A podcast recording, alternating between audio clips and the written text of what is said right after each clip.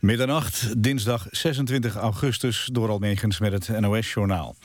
De BOVAG verwacht dat er dit jaar 7% minder diesel en ruim 20% minder LPG wordt verkocht. De organisatie wijt dit aan de accijnsverhogingen van begin dit jaar.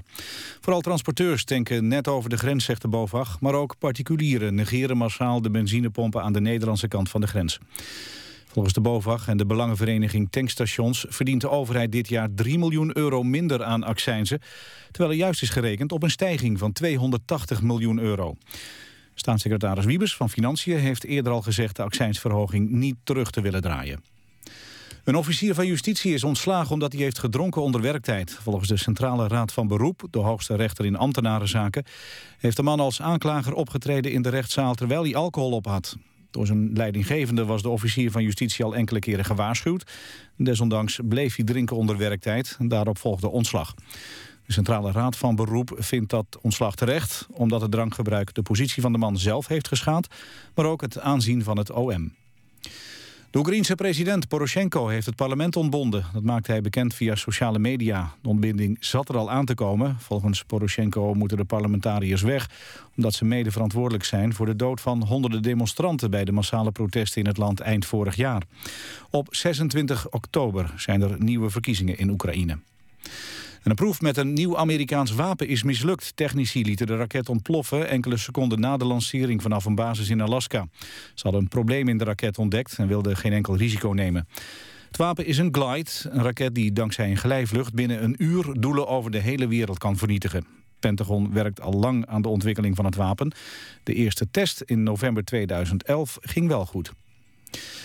Het weer in een groot deel van het land regen. Alleen in het uiterste noorden valt weinig of niets. Vooral in het zuiden soms veel regen. Die regen trekt overdag langzaam weg naar het zuidoosten. Vanuit het noorden breekt dan de zon door. Dan wordt het 14 tot 18 graden. Woensdag is het droog en zonnig. Dit was het NOS Journaal. NPO Radio 1. VPRO. Nooit meer slapen.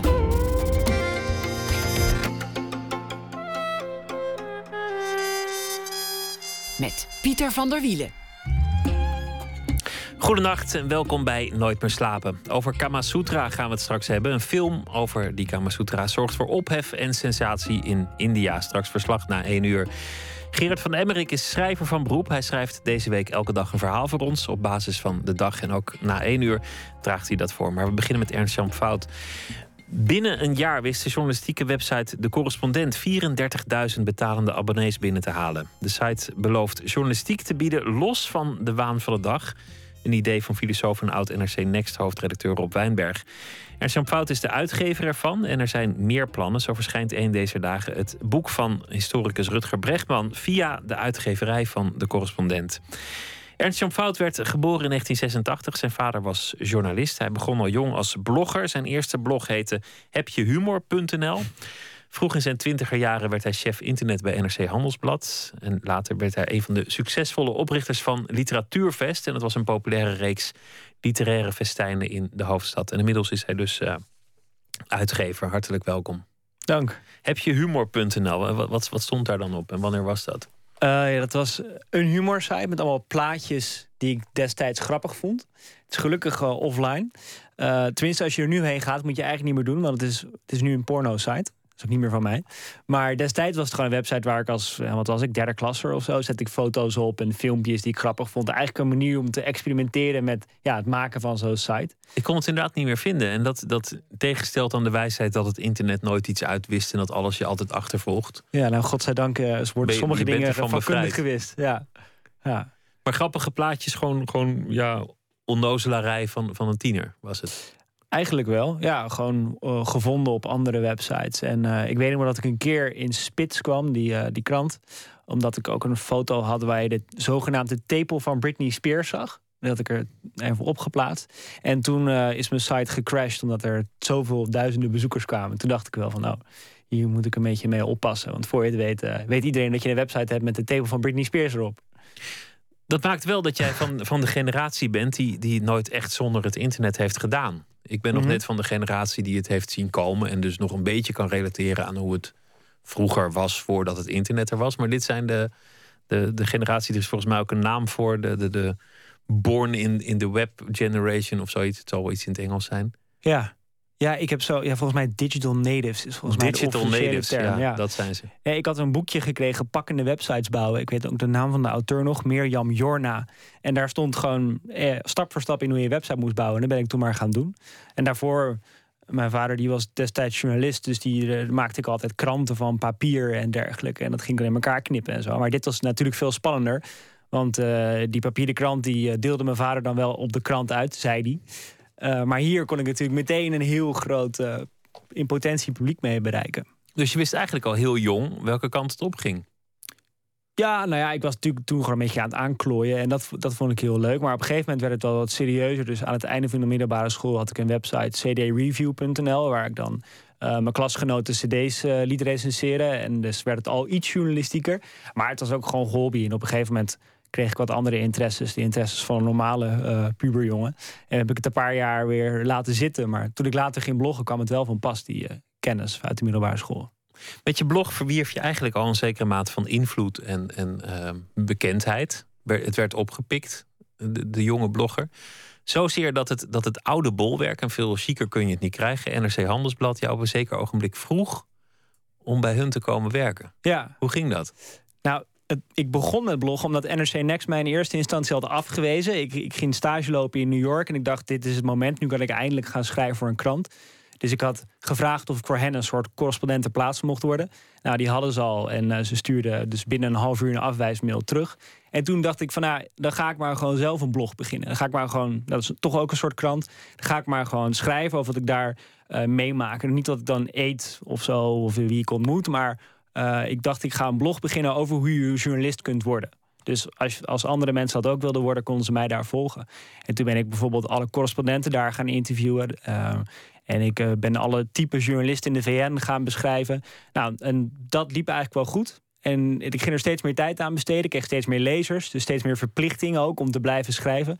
En na twee jaar belde NRC Next terug of ik voor hen blogger wilde worden en nrcnext.nl wilde opzetten. Dat heb ik een jaartje gedaan en daarna werd ik eh, chef internet van heel NRC. Heb je getwijfeld toen, toen de krant je vroeg? Want, want eerst wilde je erbij horen en toen koos je maar je eigen pad. En dat werd een succes. En dan vraagt ze je alsnog voor, voor het toetreden tot, tot een oud medium. Ja, ik heb, ik heb wel getwijfeld. Dat had er ook deels mee te maken dat NRC toen nog op een industrieterrein zat. En eh, waar ik dan elke dag met de trein eh, heen moest. Maar ik dacht wel van, er liggen daar nog zoveel mogelijkheden. Daar, zitten, daar zitten de, een paar van de beste journalisten van Nederland. 200 in een, eh, in een kantoor. En het is zo zonde als zij alleen maar journalistiek maken voor een generatie die de, die de krant leest. En die generatie is eh, toch ergens achter in de 50. En dan heb je dus een hele generatie eh, van mijn leeftijd ongeveer. Die lezen gemiddeld een kwartier per week een dagblad. Nou, die missen dus enorm van kwaliteitsjournalistiek. Dus ik dacht, ik moet eigenlijk bij die krant gaan om te kijken of ik die kan helpen ja, een nieuw tijdperk in te loodsen. Zie je het zo somber? Is, is NRC of, of de Volkskrant of welke krant dan ook ten dode opgeschreven? Nou ja, dit, dit was, deze situatie was in 2008. Het gaat nu wel een stuk beter. Er wordt veel geëxperimenteerd. Maar als ik erover nadenk wat er over 15 jaar de situatie is... als er iets minder abonnees over zijn van een krant... hoe je dan gaat overstappen naar een volledig digitaal platform. En, en dan nog wel steeds die 200 journalisten moet betalen. Dat lijkt me heel ingewikkeld. Maar er wordt wel al veel meer geëxperimenteerd met het web. Ehm, maar wat ik nog een beetje mis is dat het altijd, het is altijd een soort verplichting. En als journalist is nu eigenlijk bijna je verantwoordelijkheid om online te gaan publiceren. En ook online je vak te bedrijven. En dat, dat zien we nu bij de correspondent. Dat onze journalisten die schrijven niet een stuk en publiceren het en that's it. Nee, die kondigen weken van tevoren aan dat ze aan een stuk gaan beginnen. Vragen om tips van lezers. En elke lezer is ergens expert in. Dus elke lezer weet soms van een onderwerp opeens heel veel af. Dus een huisarts kan meepraten over een stuk over bijvoorbeeld de farmaceutische industrie.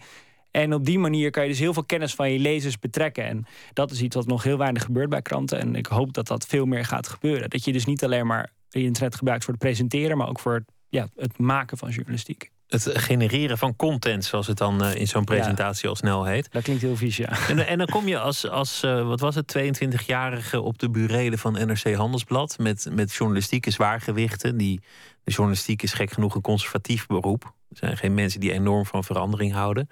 En, en dan moet je daar die mensen dat gaan uitleggen. Waar haalde je de moed vandaan? Ja, het is, het is ook een conservatief beroep, omdat je natuurlijk die dagelijkse deadline hebt. Dus ik helemaal niet zoveel tijd heb om na te denken over de toekomst. Nee, dat is allemaal gedoe. Ja, maar wat, we, wat, we eigenlijk, wat ik eigenlijk gedaan heb, is gewoon mijn collega's interviewen. Dus als ik voor, toen ik voor, in het begin voor Next aan het bloggen was en er gebeurde wat in het Midden-Oosten. En ik wilde daar een blog over schrijven. Ja, wat weet ik er vanaf uh, als je me afsteekt tegen een journalist die daar zit. en al over het Midden-Oosten schreef voordat ik überhaupt geboren was. Dus ik dacht, ik loop gewoon naar haar toe. En ik vraag wat er, wat, er, eh, wat er nu gebeurd is, in welke context moet dat moeten zien. En dat zet ik dan als citaatje op de blog. En dan kon ik vervolgens een uur later naar haar teruglopen met een printje van alle reacties van mensen en goede vragen van mensen. En dan kon ze die ook weer antwoorden. En het mooie aan het web is, is dat dus die journalisten meteen het resultaat zien. En meteen zien van, oh, hier worden vragen gesteld die me verbazen. Of er wordt gelinkt naar uh, een, een, goede site die ik nog niet gezien had. Dus het, het fantastische aan het uitleggen van internet aan conservatieve journalisten... is dat je meteen die prachtige resultaten kan zien, laten zien. Rob Wijnberg was uh, de, de, oprichter van de correspondent. Dit is een, een, beetje zijn project, dan zo is het in ieder geval naar buiten gebracht. Afgelopen zaterdag uh, was hij op deze zender te horen in gesprek met Max van Wezel, mm -hmm.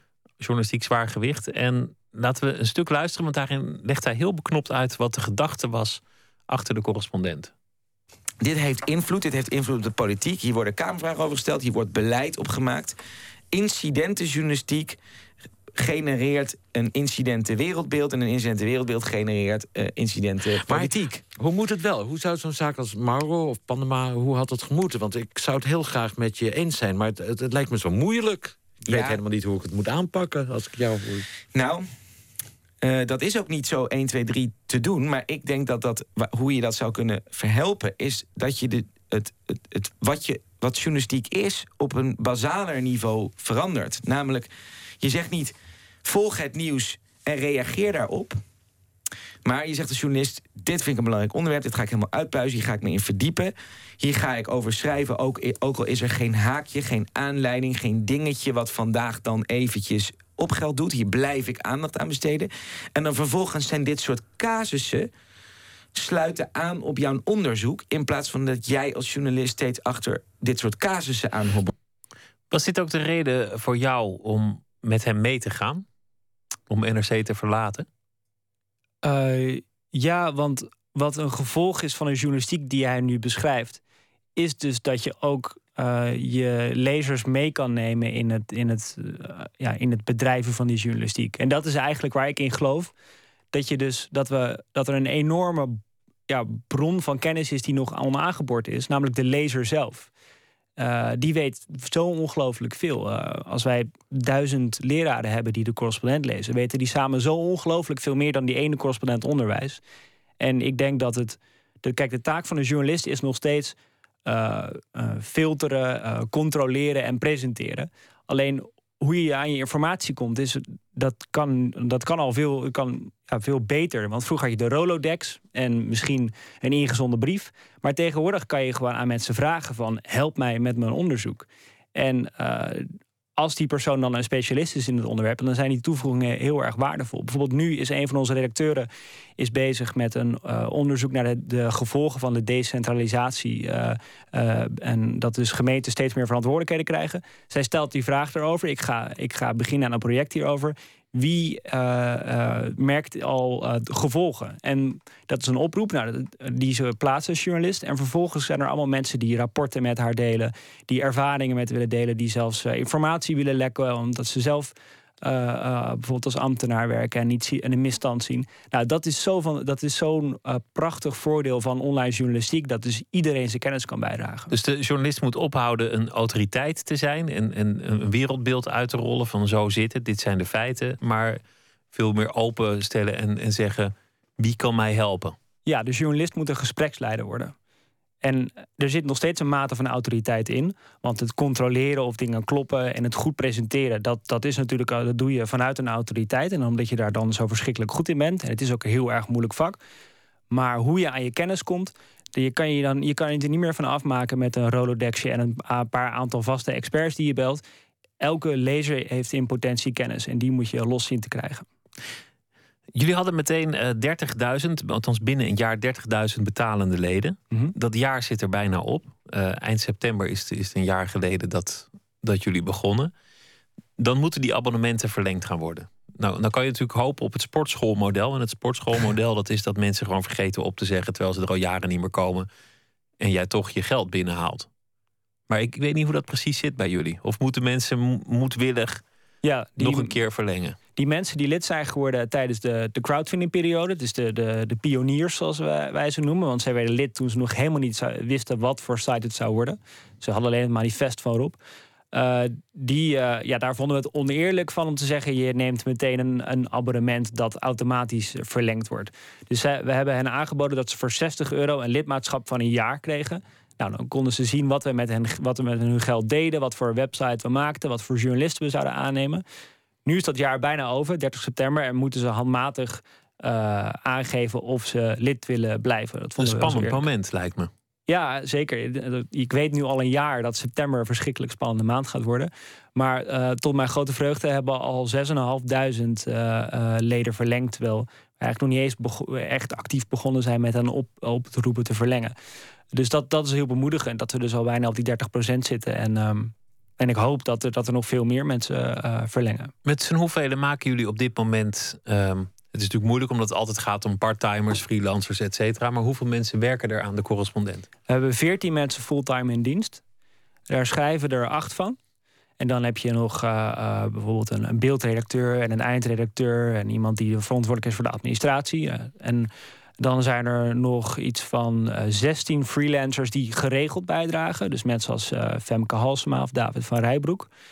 En daaromheen hebben we dan nog heel veel gastauteurs die worden uitgenodigd eh, om af en toe een stuk te schrijven.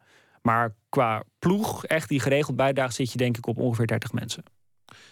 Als je dan de concurrentie aangaat met een NRC Handelsblad ja. of, of, of, een Volkskrant, dan, dan is dat minuscuul. Dan, dan zijn jullie een dwerg. Ja, maar wij hoeven ook niet, wij verplichten onszelf niet over al het nieuws te schrijven, zoals de Volkskrant het zichzelf wel verplicht.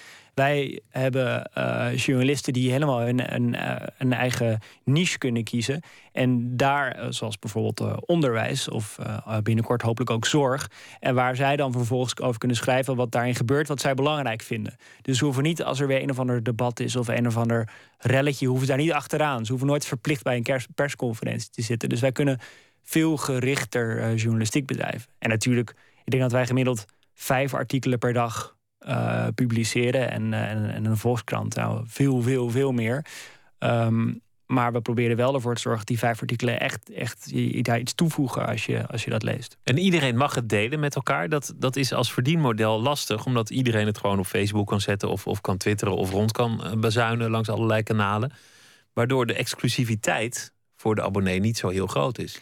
Waarom nou- zou je betalen als je toch wel doorgestuurd krijgt? Nou, kijk, als jij lid bent en je leest een stuk met, met plezier of met interesse, of je vindt het belangrijk, uh, ja, dan kan het niet anders dan dat we je wel de mogelijkheid moeten geven om te delen. Anders gaat het bijna tegen de. de, de nou, niet bijna, dat gaat gewoon tegen de principe van de journalistiek in. Wij doen dit vak omdat we willen dat waar wij over schrijven onder de aandacht wordt gebracht. Omdat we dat belangrijk vinden. En dus we, we, we, we zagen geen mogelijkheid om dat dicht te houden. Want dat past gewoon niet bij het vak. Wat we hebben, waarvoor hebben gekozen, als jij als lid een stuk deelt, dan uh, kunnen je vrienden dat lezen. Maar er staat er ook boven dat jij dat met ze gedeeld hebt. Dus ze zien wel dat er iemand voor betaald heeft, dat iemand het mogelijk gemaakt heeft. En uh, vooralsnog levert het ons alleen maar heel veel meer nieuwe leden op. Want we doen amper aan marketing. En dat is de status die je er verwerft. Door, door dat abonnement te betalen kunnen mensen zien dat jij dat interessante stuk nou ja, online kun, kun jij die stukken, die stukken heb jij zelf mogelijk gemaakt. Want het is met jouw ledengeld gebeurd. We hebben geen advertenties. Dus het gebeurt allemaal van het ledengeld. En natuurlijk, als jij het mogelijk hebt gemaakt, mag je het ook delen. En daarnaast kan je nog, uh, als lid kan je ook bijdrages achterlaten. Je kan alle artikelen natuurlijk gewoon mooi bij elkaar zien. Je kan uh, je favoriete lettertype instellen. Allemaal dat soort dingen, waardoor het echt jouw correspondent wordt.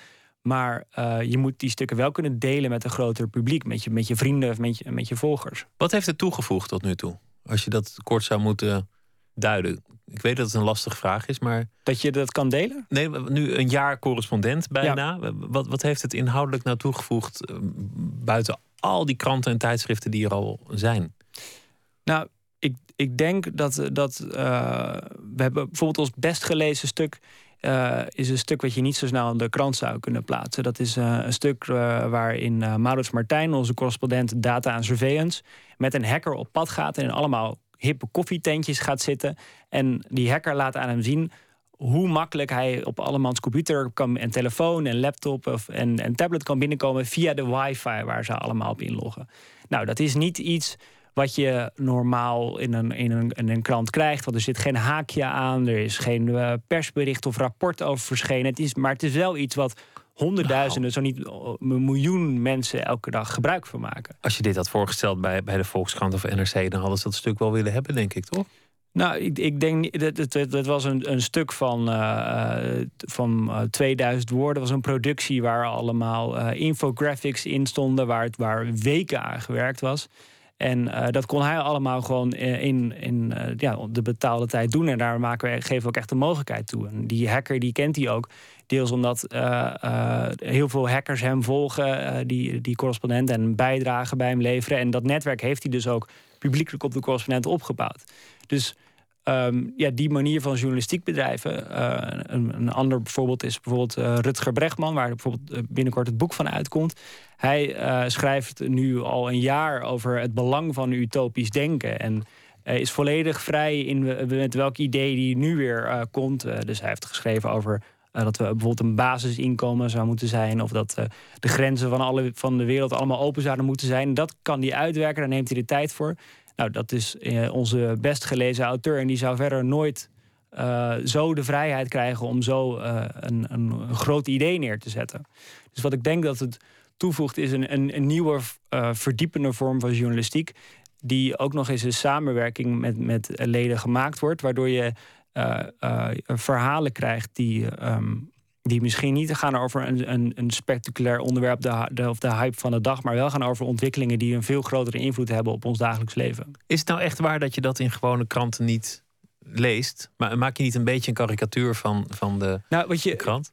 Kijk, in, eh, natuurlijk zou je incidenteel lees je die stukken los in een, in een krant of in een mooie bijlage van een krant. Maar dat je een auteur zo volgt in een dossier en uh, dat je op elk moment eens kan terugkijken uh, waar, waar die begonnen is. Of dat je ervoor kan kiezen om de links die die deelt, waar je verdere verdieping krijgt, kan aanklikken en door kan lezen. Zo'n dossier, uh, dit biedt een diepgang die je in een krant nooit voor elkaar kan krijgen. Want een krant is telkens weer een op zichzelf staand stuk. Terwijl wij tonen stukken in een veel bredere context. Wat opvalt in, in, in de stukken, ik, ik heb afgelopen weekend heel veel teruggelezen, is dat het woord ik er vaak in voorkomt vanuit de auteur. het, is, mhm. het is in een heel persoonlijke stijl geschreven. De, de interesse van de auteur, de referenties van de auteur, het proces van het, van het maken van, van de journalistiek. Er is ook een fase geweest bij de, bij de opiniebladen dat ze daar juist heel graag van af wilden. Dat het, dat het neutraler, professioneler moest en dat de journalist zichzelf wat minder door zijn stuk moest laten schemeren. Ja, het is niet dat wij. We hebben geen decreet uitgevaardigd van nu moet iedereen ik gaan gebruiken. Het is meer dat als je uh, voor je leden schrijft, dat, je, dat het bijna een soort logisch wordt. Dat je, je vertelt een verhaal uh, aan hen en dat wil je zo, zo direct mogelijk doen. En dat komt natuurlijk oorspronkelijk uit bloggen. En bloggen is, uh, was eigenlijk de eer, het eerste medium dat echt voor journalisten alle mogelijkheden van het internet goed benutten.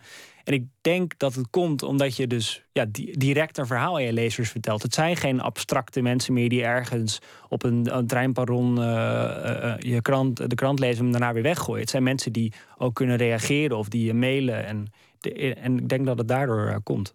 Ik denk dat dat ook het succes voor een deel verklaart. Dat mensen ergens bij willen horen. Dat, dat, ze, dat ze het een sympathieke club vinden, om, om wat voor reden dan ook.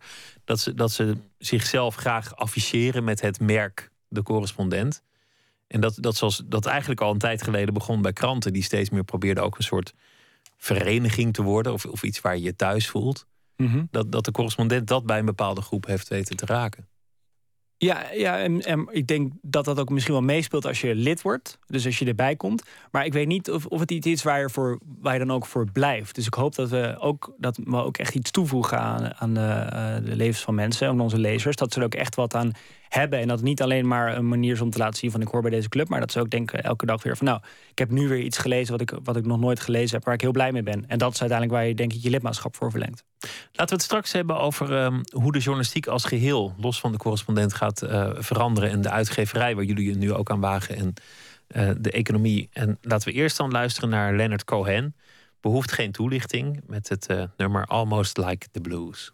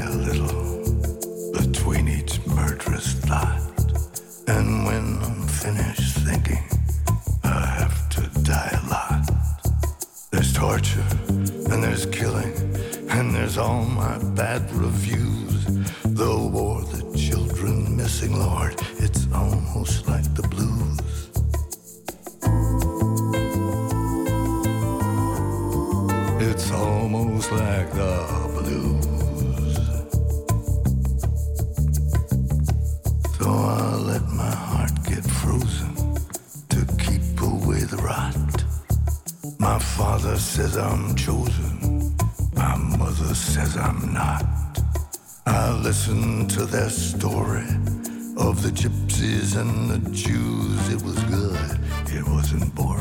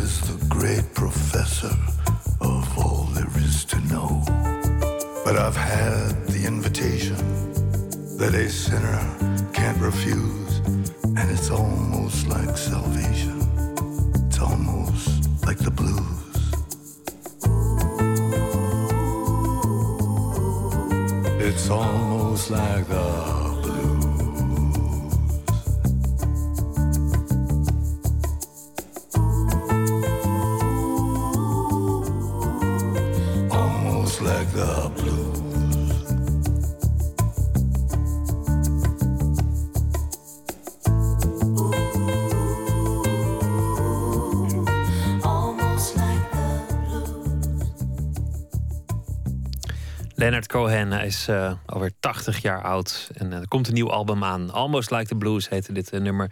We luisteren naar Nooit meer slapen in gesprek met Ernst-Jan Fout, uitgever van De Correspondent en binnenkort ook van, van boeken. Was een citaat uit Leonard Cohen dat jou mede aanzette om, om uiteindelijk een punt achter je NRC-loopbaan te zetten? Ja, dat, ehm, daar attendeerde Joris Luijendijk me een keer op. Eh, het citaat: eh, They sentenced me for 20 years of boredom. uh, for trying to change the system from within. En ehm, dat. eh, die, Mooi dat- citaat, ja. Ja, dat vertelde hij me een keer en dat is me wel bijgebleven. En ik merk nu bij de correspondent hebben we totaal niets, geen verleden waar we rekening mee hoeven te houden. En da- daardoor kan je compromisloos eigenlijk werken aan wat, je, wat jij denkt dat echt goed is voor de journalistiek. En hoef je niet zorgen te maken om allemaal banen die behouden moeten worden of zo. Want we creëren nu alleen maar nieuwe banen. En oude loyaliteiten of, eh, of ja, het is een rot rubriek, maar hij doet het zo graag en hij doet het al 30 jaar, dus we laten het hem nog 30 jaar doen. Dat soort Ja, of de journalistieke TV-gids. logica. ja. Ja. De tv-gids, ja, dat is ook een mooi ouderwets eh, iets. Ja, nee, ik bedoel dat in, in elke krant staat nog steeds de tv, eh, de tv-programma van die dag. Want als je dat eruit haalt, dan worden mensen gek. Toch word je in- bij, op redacties ook overladen met, met lezingen en, en eh, workshops over hoe het allemaal digitaal moet. En ik, ik ben volgens mij de ergste, want ik beantwoord mijn mail niet eens. Laat staan dat ik, dat ik twitter of wat dan ook. Zou ik misschien wat vaker moeten doen. Ik krijg veel mail van luisteraars. eh, wie nu mij gemaild heeft en luistert. Excuus dat ik niet heb geantwoord. Ga ik Ja. voortaan eh, ga ik dat ook eens doen. Er verandert heel veel in de, in de wereld door, door het internet. En, en ik ben net van de generatie die het allemaal, allemaal nog zonder heeft meegemaakt. Jij niet meer. Een van de dingen die verandert is dat mensen steeds meer zich kunnen vastklampen aan hun eigen wereldbeeld. Mhm. Vroeger las iedereen dezelfde krant of, of luisterde naar dezelfde radio. En je, je gaat steeds meer toe naar, als je dat wil, een wereld waarin je vanuit je eigen visie bronnen kunt raadplegen die jou bevestigen. Zo zijn er mensen die denken dat alles een complot is. Maar ik denk ook dat de opkomst van, van radicale islam in Nederland veel minder makkelijk was geweest zonder internet. Omdat die, die mensen vinden elkaar op dat web en kunnen daar hun ideeën vandaan halen. Ja, ik, ik weet niet of. Ik denk misschien dat juist ook wel gedeelte andersom is. Wat ik uit de geschiedenisboeken geleerd heb, is dat, de, dat Nederland vroeger verzeild was. En dat je allemaal je eigen zender had en je eigen krant. En ik kan me zo voorstellen dat het destijds heel moeilijk moet zijn geweest om buiten die zeil te treden. Dan moest je echt naar de kiosk lopen om een nieuwe krant te gaan halen van een, vanuit een andere zeil, vermoed ik zo. Of, eh, terwijl Volgens, nu- volgens mij was dat niet zo. Volgens mij luisterde toen iedereen stiekem naar de Afro. Oké, nee, Denk ik. Maar goed, dat- ja, die laat ik dan eh, aan jou over. Maar ik vermoed wel dat, dat ik weet zeker dat het nu veel, eh, veel makkelijker is om met andere geluiden in aanraking te komen. Eh, omdat je, nou, een link is, is heel snel gelegd online. En, en voor je het weet kom je op een totaal, in een totaal andere wereld terecht. Waar je totaal andere argumenten ziet. En kan je die ook tot je nemen. Ik denk dat het vroeger veel moeilijker was om daar toegang eh, tot te krijgen. Dus niet, eh, dat, dat noemen ze wel eens de, de, bias. Dat we allemaal in onze eigen kliek gaan leven. Dat we allemaal onze eigen bronnen vinden. Onze eigen waarheden vinden. Dat we allemaal gelijkgestemden zoeken op, op het web. Jij denkt juist dat het, dat het muren doorbreekt. Nou ja, ik, ik zie dat gevaar wel. Dus ik zie dat, dat je als je op Facebook, als, als je alleen maar via Facebook je nieuws volgt, volg je dus eigenlijk alleen maar het nieuws dat, jou, dat vrienden voor jou selecteren. Maar dat is misschien dus ook een taak aan journalisten om ervoor te zorgen dat je er altijd voor, ja, dat je, altijd degene zal zijn die zal proberen eh, eh, belangrijke onderwerpen onder de aandacht te krijgen van lezers. Men- mensen noemen het wel eens de, de filterbubbel. Dus eh, je, je komt, iedereen komt in een filterbubbel terecht, omdat je alleen nog maar de aanbevelingen uit je eigen netwerk ziet. Nou, aan journalisten de taak om die bubbel elke keer door te prikken. En, en mensen te attenderen op onderwerpen die misschien niet door hun vrienden onder aandacht worden gebracht, maar die wel heel belangrijk zijn. Jullie gaan ook uitgeven. Dan, dan kom je wederom met de kwestie van het verdienmodel. Eigenlijk heeft de correspondent een relatief ouderwets verdienmodel. Want je, je betaalt voor content. Heel lang werd, werd gedacht dat mensen dat niet zouden doen op het web. Dat het niet mogelijk was om mensen te laten betalen voor een, voor een inlogcode.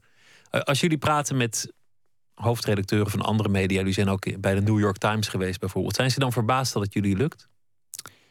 Ehm, ja, sommige wel. Ja, zeker.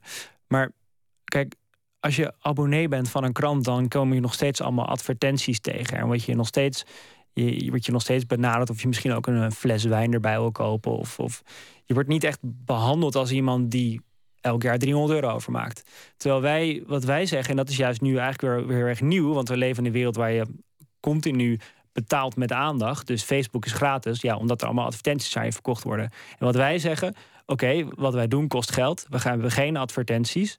Waar, eh, we, willen, we vragen wel of jij dan alsjeblieft 60 euro, dus 5 euro per maand, eh, wil overmaken. En daardoor kunnen wij ervoor zorgen dat we ons volledig kunnen richten op de behoeften en, van onze leden. En niet hoeven na te denken van, goh, hoe kunnen we nou eens zoveel mogelijk advertenties aan onze leden eh, verkopen? Tegelijk zeg je, het, het staat haaks op de journalistieke gedachte dat je iets niet deelt. Een, een belangrijke gedachte in, in de internetwereld, dat bezit is diefstal. Eigenlijk het, het ouderwetse anarchistische eh, credo. Je moet dingen kunnen delen. Je mag het niet afschermen. Ja, information wants to be free. Dat is zo'n hackerswijsheid. Ja. wijsheid. nou ja, daarom stellen we onze leden ook in staat ar- artikelen te delen met hun vrienden. Ehm, maar het extra gemak, dus dat je alle artikelen fijn bij elkaar hebt, dat je je eigen selectie kan samenstellen, ja, daar, dat, dat krijg je erbij als je ervoor betaalt. Dus onze informatie is wel te vinden. Als je onze artikelen googelt, vind je die ook. Dus die informatie is in die zin openbaar toegankelijk. Maar voor, voor het gemak, voor het, voor het eh, kunnen bijdragen aan discussies, eh, voor elke dag de nieuwe artikelen in je mail te ontvangen. Dat zijn dingen waar, die je alleen krijgt als je, als je lid bent en als je dus betaalt. Dus we zoeken het meer in het gemak en in de, in de community en daar geld voor vragen dan puur voor die losse artikelen. Bezit is een, is een interessant eh, fenomeen. Vroeger zei je, ik heb 100 LP's en dan was je, was je een beetje een held. Want dan had je een grote platencollectie. Ja. Tegenwoordig kan je alles streamen en heb je eigenlijk alle muziek die er is in de wereld tot jouw beschikking. Ja.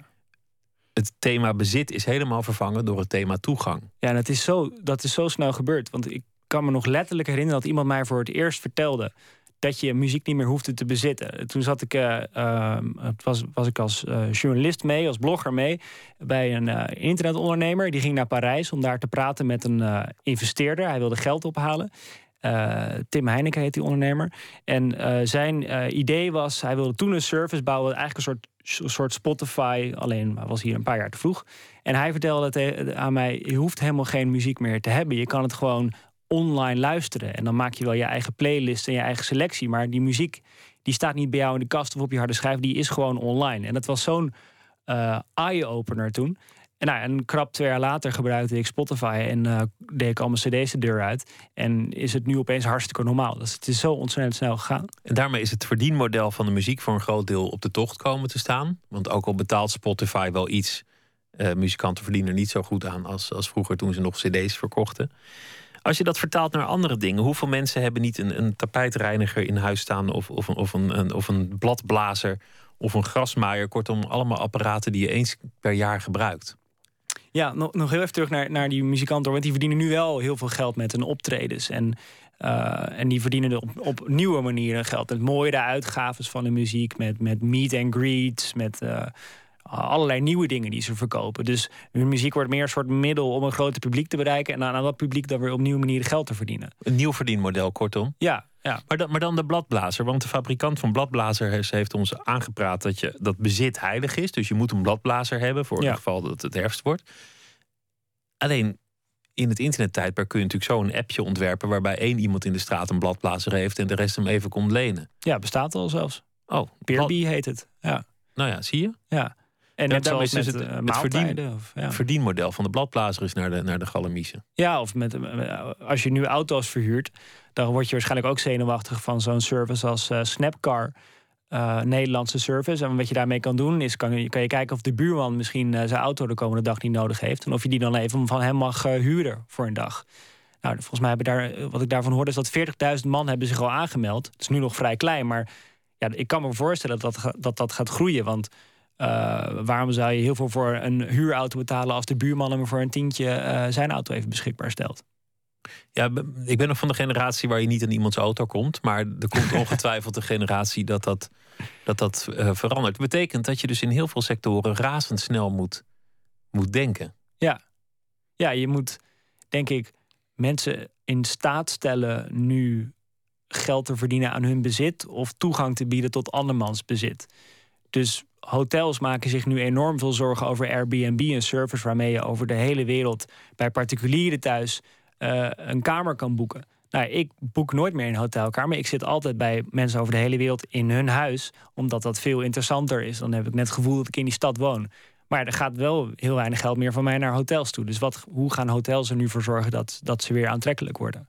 En dat is, dat is een, een, een heel inter- interessante uitdaging voor, voor allerlei beroe- beroepsgroepen. En ik denk dat je of eh, eh, juist heel veel luxe moet gaan bieden en juist die dienstverlening moet gaan verbeteren. Niet ervoor zorgen dat je een half uur bij de incheckbalie staat te wachten en dat je dat echt bijzonder gaat maken.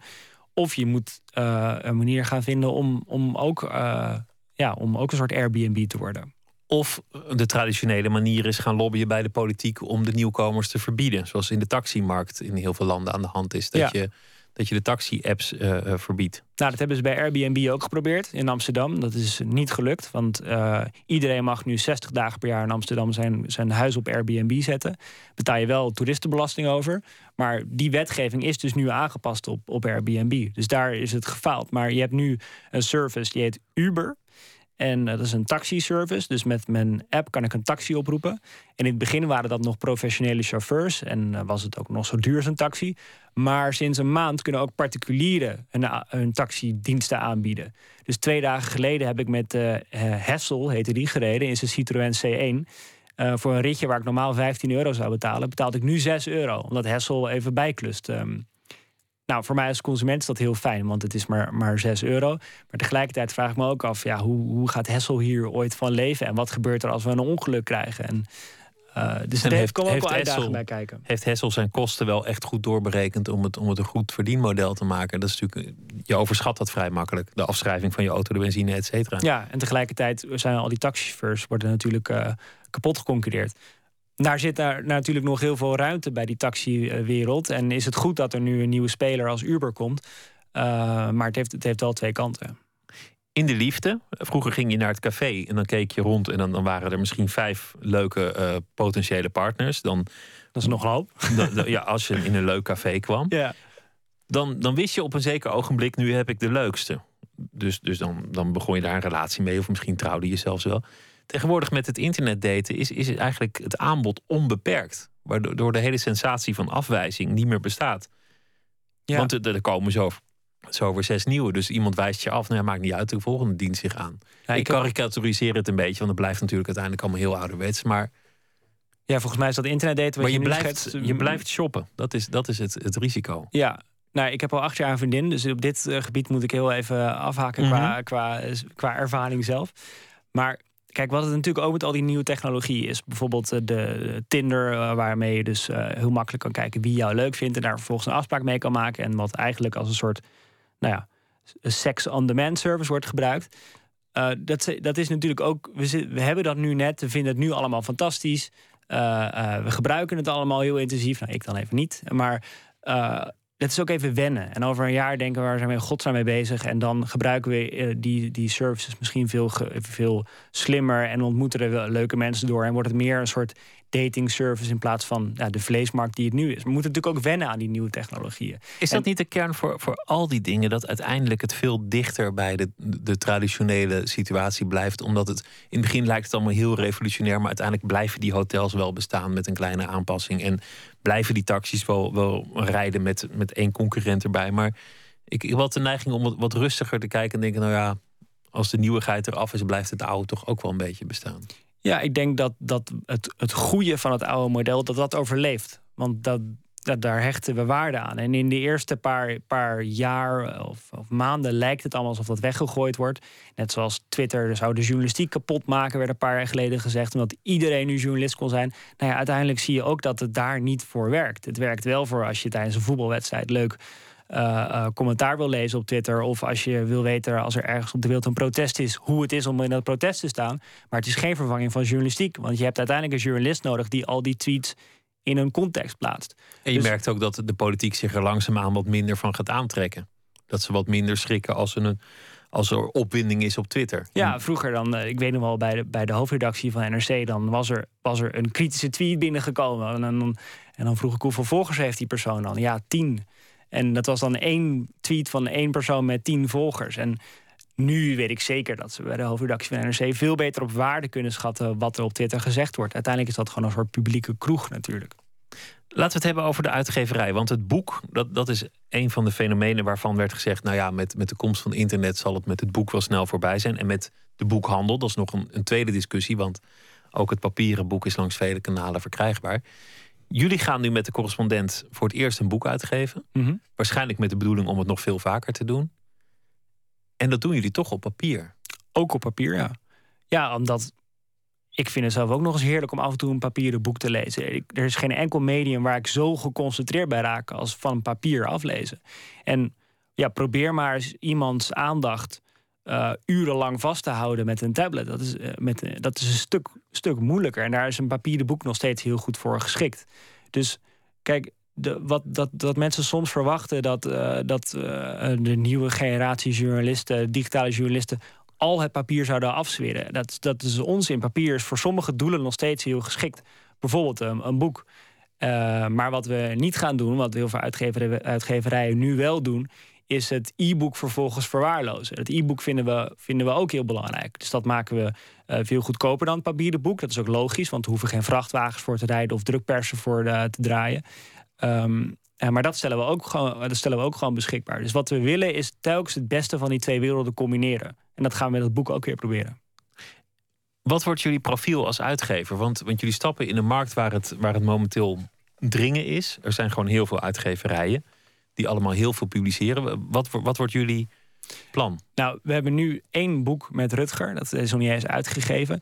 En dat wilden we gaan uitgeven omdat het gewoon een hele logische stap was. Rutger schrijft op de correspondent eh, al maanden over, over de noodzaak van utopisch denken. Eh, heeft daar ook een keer een documentaire over gemaakt, bijvoorbeeld met tegenlicht. Eh, en dit is weer een nieuwe stap in het journalistieke proces. Namelijk dat hij die ideeën verder uitwerkt en uitdiept in een boek. En natuurlijk willen wij dat dan uitgeven, want wij, wij hebben het samen met hem gemaakt. Dus ik denk dat we, als we hierna weer meer boeken gaan uitgeven, dat het boeken zullen zijn die, die voortkomen uit het werk van onze eh, correspondenten. Dat, en dat ze hun werk verder uitdiepen in zo'n boek. Want dat is eigenlijk ook het antwoord op, op wat, wat eh, eerder werd gezegd over de correspondent. Van los van de waan van de dag en met een wat diepere gedachte. Daar heb je boeken voor. De waarheid staat eerder in een boek dan in de krant. Uh, nou, boeken zijn daar een middel voor. Maar een, een lopend dossier van een jaar uh, op uh, iemands persoonlijke pagina van een, van een correspondent op onze site is net, is net zo goed weer verdiepend, maar weer op een andere manier. En wat, wat er telkens terugkomt in, in, die, in dit soort vragen of die discussie, is de, dat je een soort keuze zou moeten maken. Dus of dit of dat. En waar wij juist in geloven is dat je en uh, op het internet met je, met je leden een nieuwe verdiepende vorm van journalistiek bedrijft. En dat daar dan bijvoorbeeld ook een boek uit voortkomt. Zodat weer een andere groep mensen dat verhaal op die manier tot zich kan nemen. We gaan weer luisteren naar uh, muziek, soulmuziek van uh, Ruby Turner. Ze werkte met heel veel grootheden samen: Mick Jagger, Brian Ferry, Jules Holland. Maar heeft ook haar eigen carrière. En haar album I'm Traveling On was uit 2009 en daarop stond dit nummer: Oh Mary, Don't You Weep. Oh, I'm singing Mary. Oh, Mary, don't you weep. Mother, don't have to mourn. Oh, mother, don't you mourn. Listen to me, Mary. Oh, Mary, don't you weep. Mother, don't have to mourn. Oh, mother, don't you mourn. Pharaoh's army. Oh, Mary, don't you weep. Got drowned in the sea one day. But Jesus said, Mary. Oh, Mary, don't you weep. Your little sister don't have to moan no more. Oh, mother, don't you moan. Now, can I get a witness? He said, Mary. Oh, Mary, don't you weep. Mother, don't have to moan. Oh, mother, don't you moan. Maybe somebody's sick today. Oh, Mary, don't you weep. Somebody ain't got no home. Oh, mother, don't you moan. Pharaoh's army. Oh, Mary, don't you weep. They got drowned the sea one day. Down in the Red Sea. But I believe a man said, Mary. Oh, Mary, don't you weep. Your little sister don't have to moan no more. Oh, mother, don't you moan. Now listen, if I could right now. If I could. I tell you, I surely would right now. Surely would. Oh, stand on a rock, children. Stand on the rock. Stand on a rock where Moses stood one day.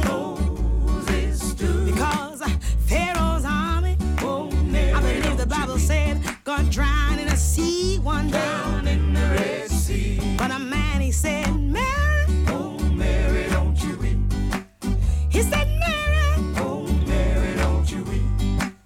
He said, Mary. Oh, Mary, don't you weep. Trouble in your life will be over right now. Oh, Mary, don't you weep. You don't have to give a right from wrong no more. Oh, Mary, don't you weep. Jesus called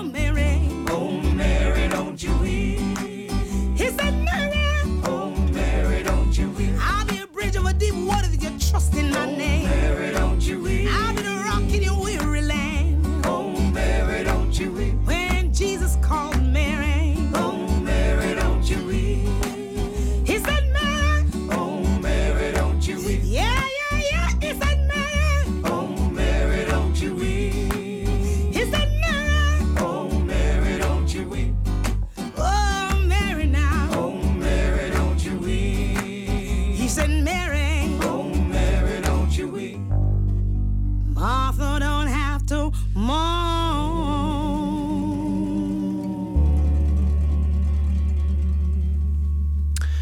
Oh Mary, Don't You Weep van Ruby Turner was dat.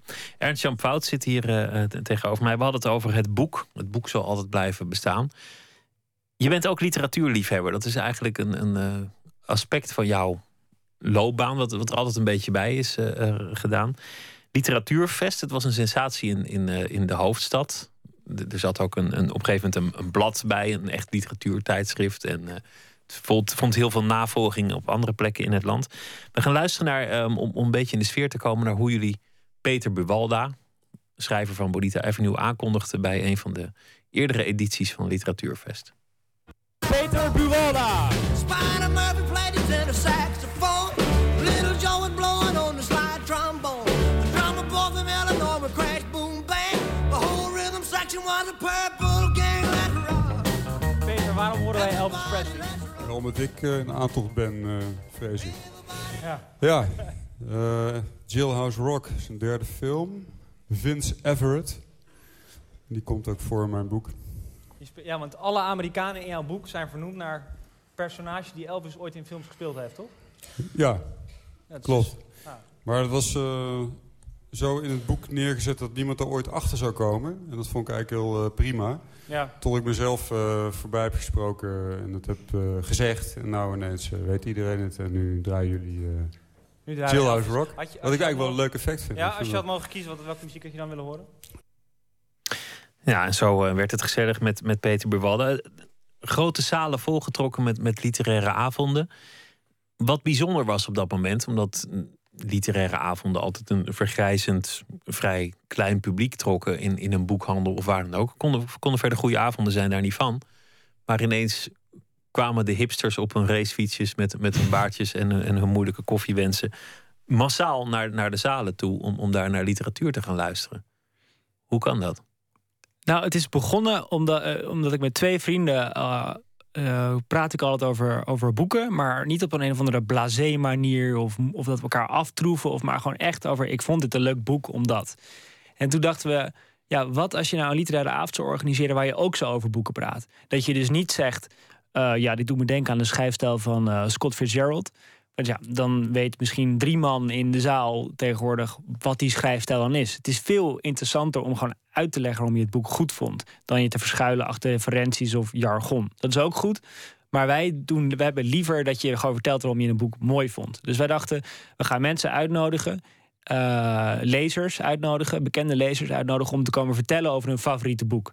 Dus eh, we hadden dan bijvoorbeeld eh, nou, eh, Jellebrand Korsjes, die kwam vertellen, maar ook Katja Schuurman, die kwam vertellen over de ondraaglijke lichtheid van het bestaan.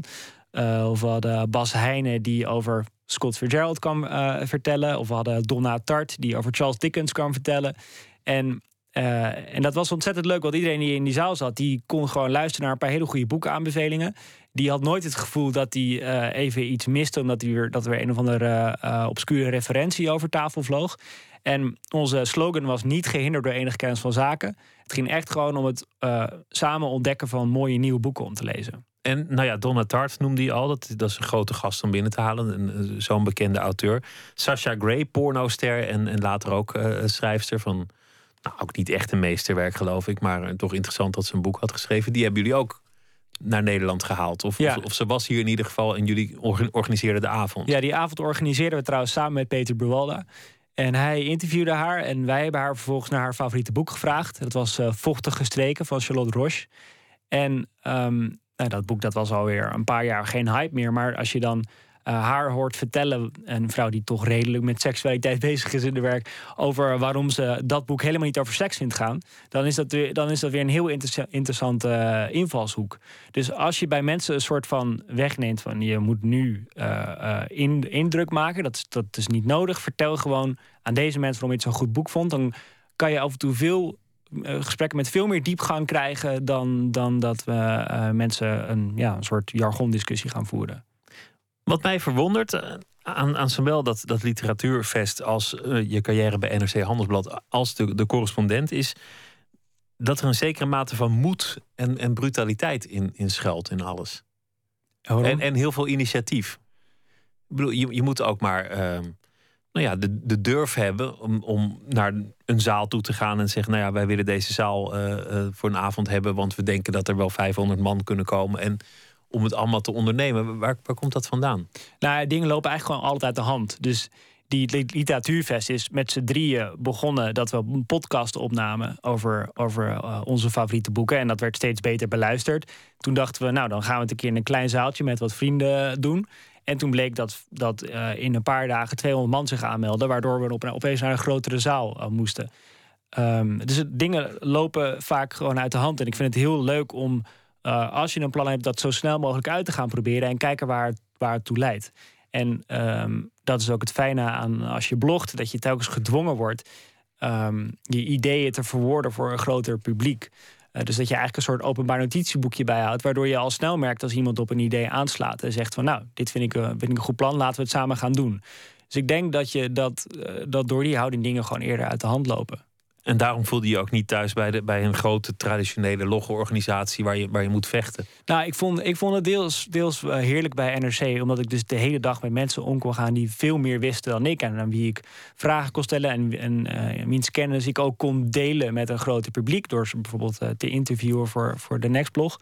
Maar uiteindelijk kunnen experimenteren en, en eh, ook af en toe eh, dingen, eh, dat dingen af, ook mislukken misschien. Ja, dat gaat veel makkelijker als, je, ja, als je een kleine organisatie hebt. En dat is nu al heel erg fijn aan de correspondent. Ben je ambitieus?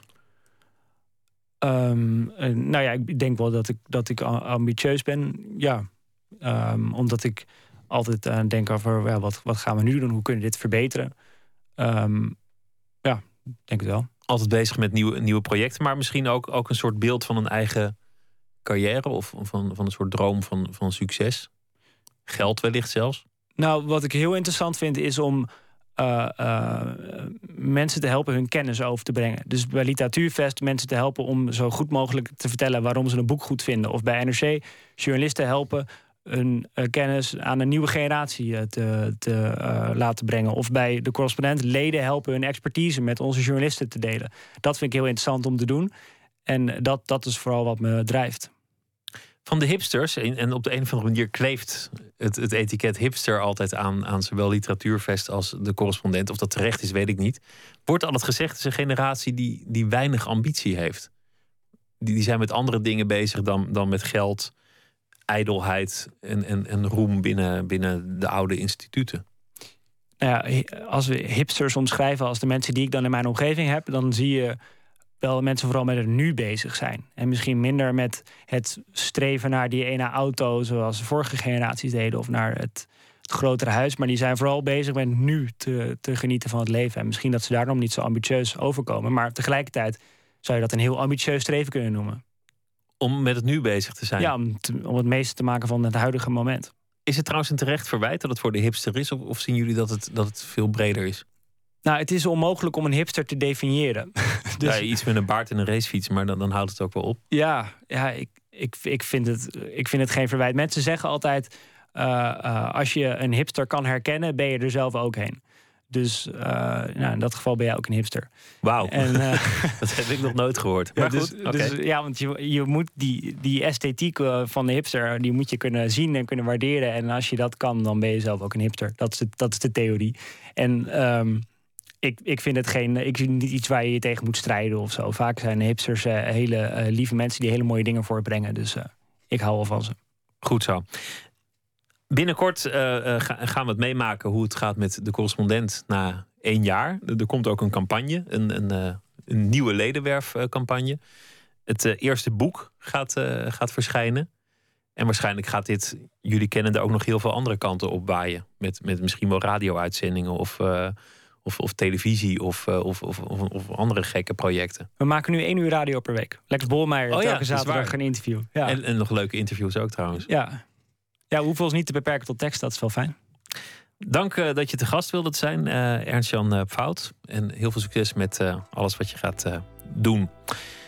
Nooit meer slapen, vpro.nl. U kunt mailen en via Twitter, vpro-nms. Zometeen in het tweede uur van Nooit meer slapen... krijgt u een verhaal van Gerard van Emmerik... auteur van verhalen, bundels en romans. Hij schrijft deze week elke dag een verhaal voor ons... op basis van iets dat de afgelopen dag is gebeurd. En een gesprek met Rob van Essen. Die heeft een eh, nieuw boek uit. En we gaan het ook hebben over Kama Sutra. Want er is een film over gemaakt die in India voor veel ophef en vertier zorgt. En eh, daar krijgen we een verhaal van, van Marten Kaan vanuit eh, Delhi zometeen. Dat allemaal straks in Nooit meer slapen. Eerst gaan we er even uit voor nieuws. En nee, reclame doen we niet op dit tijdstip. Graag tot zometeen.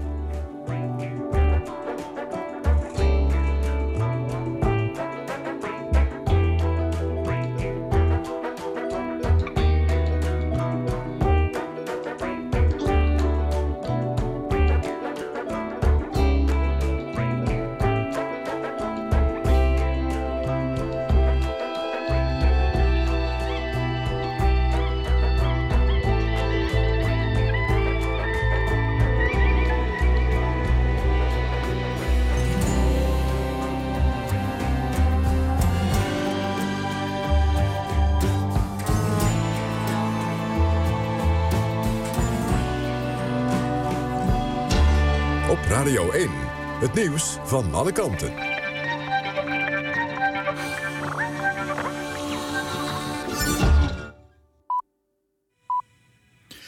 1 uur door Almegens met het NOS-journaal. parlement van Oekraïne is ontbonden en op 26 oktober worden er verkiezingen gehouden. Dat heeft president Poroshenko bekendgemaakt via Facebook en Twitter. De ontbinding werd al verwacht. Volgens Poroshenko moeten de parlementariërs weg... omdat ze mede verantwoordelijk zijn voor de dood van honderden demonstranten... tijdens de protesten in Kiev tegen toenmalig president Yanukovych. Bovendien willen volgens Poroshenko vier op de vijf Oekraïners... dat er nieuwe verkiezingen komen... omdat de vorige verkiezingen in 2012 niet transparant en democratisch zijn verlopen. Ook is een nieuw parlement volgens hem belangrijk... voor de overwinning op de separatisten in het oosten van het land. De BOVAG verwacht dat er dit jaar 7% minder diesel en ruim 20% minder LPG wordt verkocht. De organisatie wijt dit aan de accijnsverhogingen van begin dit jaar. Vooral transporteurs tanken net over de grens, zegt de BOVAG... maar ook particulieren negeren massaal de benzinepompen aan de Nederlandse kant van de grens. Volgens de BOVAG en de Belangenvereniging Tankstations... verdient de overheid dit jaar 3 miljoen euro minder aan accijnzen... terwijl er juist is gerekend op een stijging van 280 miljoen euro. Staatssecretaris Wiebes van Financiën heeft eerder al gezegd... de accijnsverhoging niet terug te willen draaien.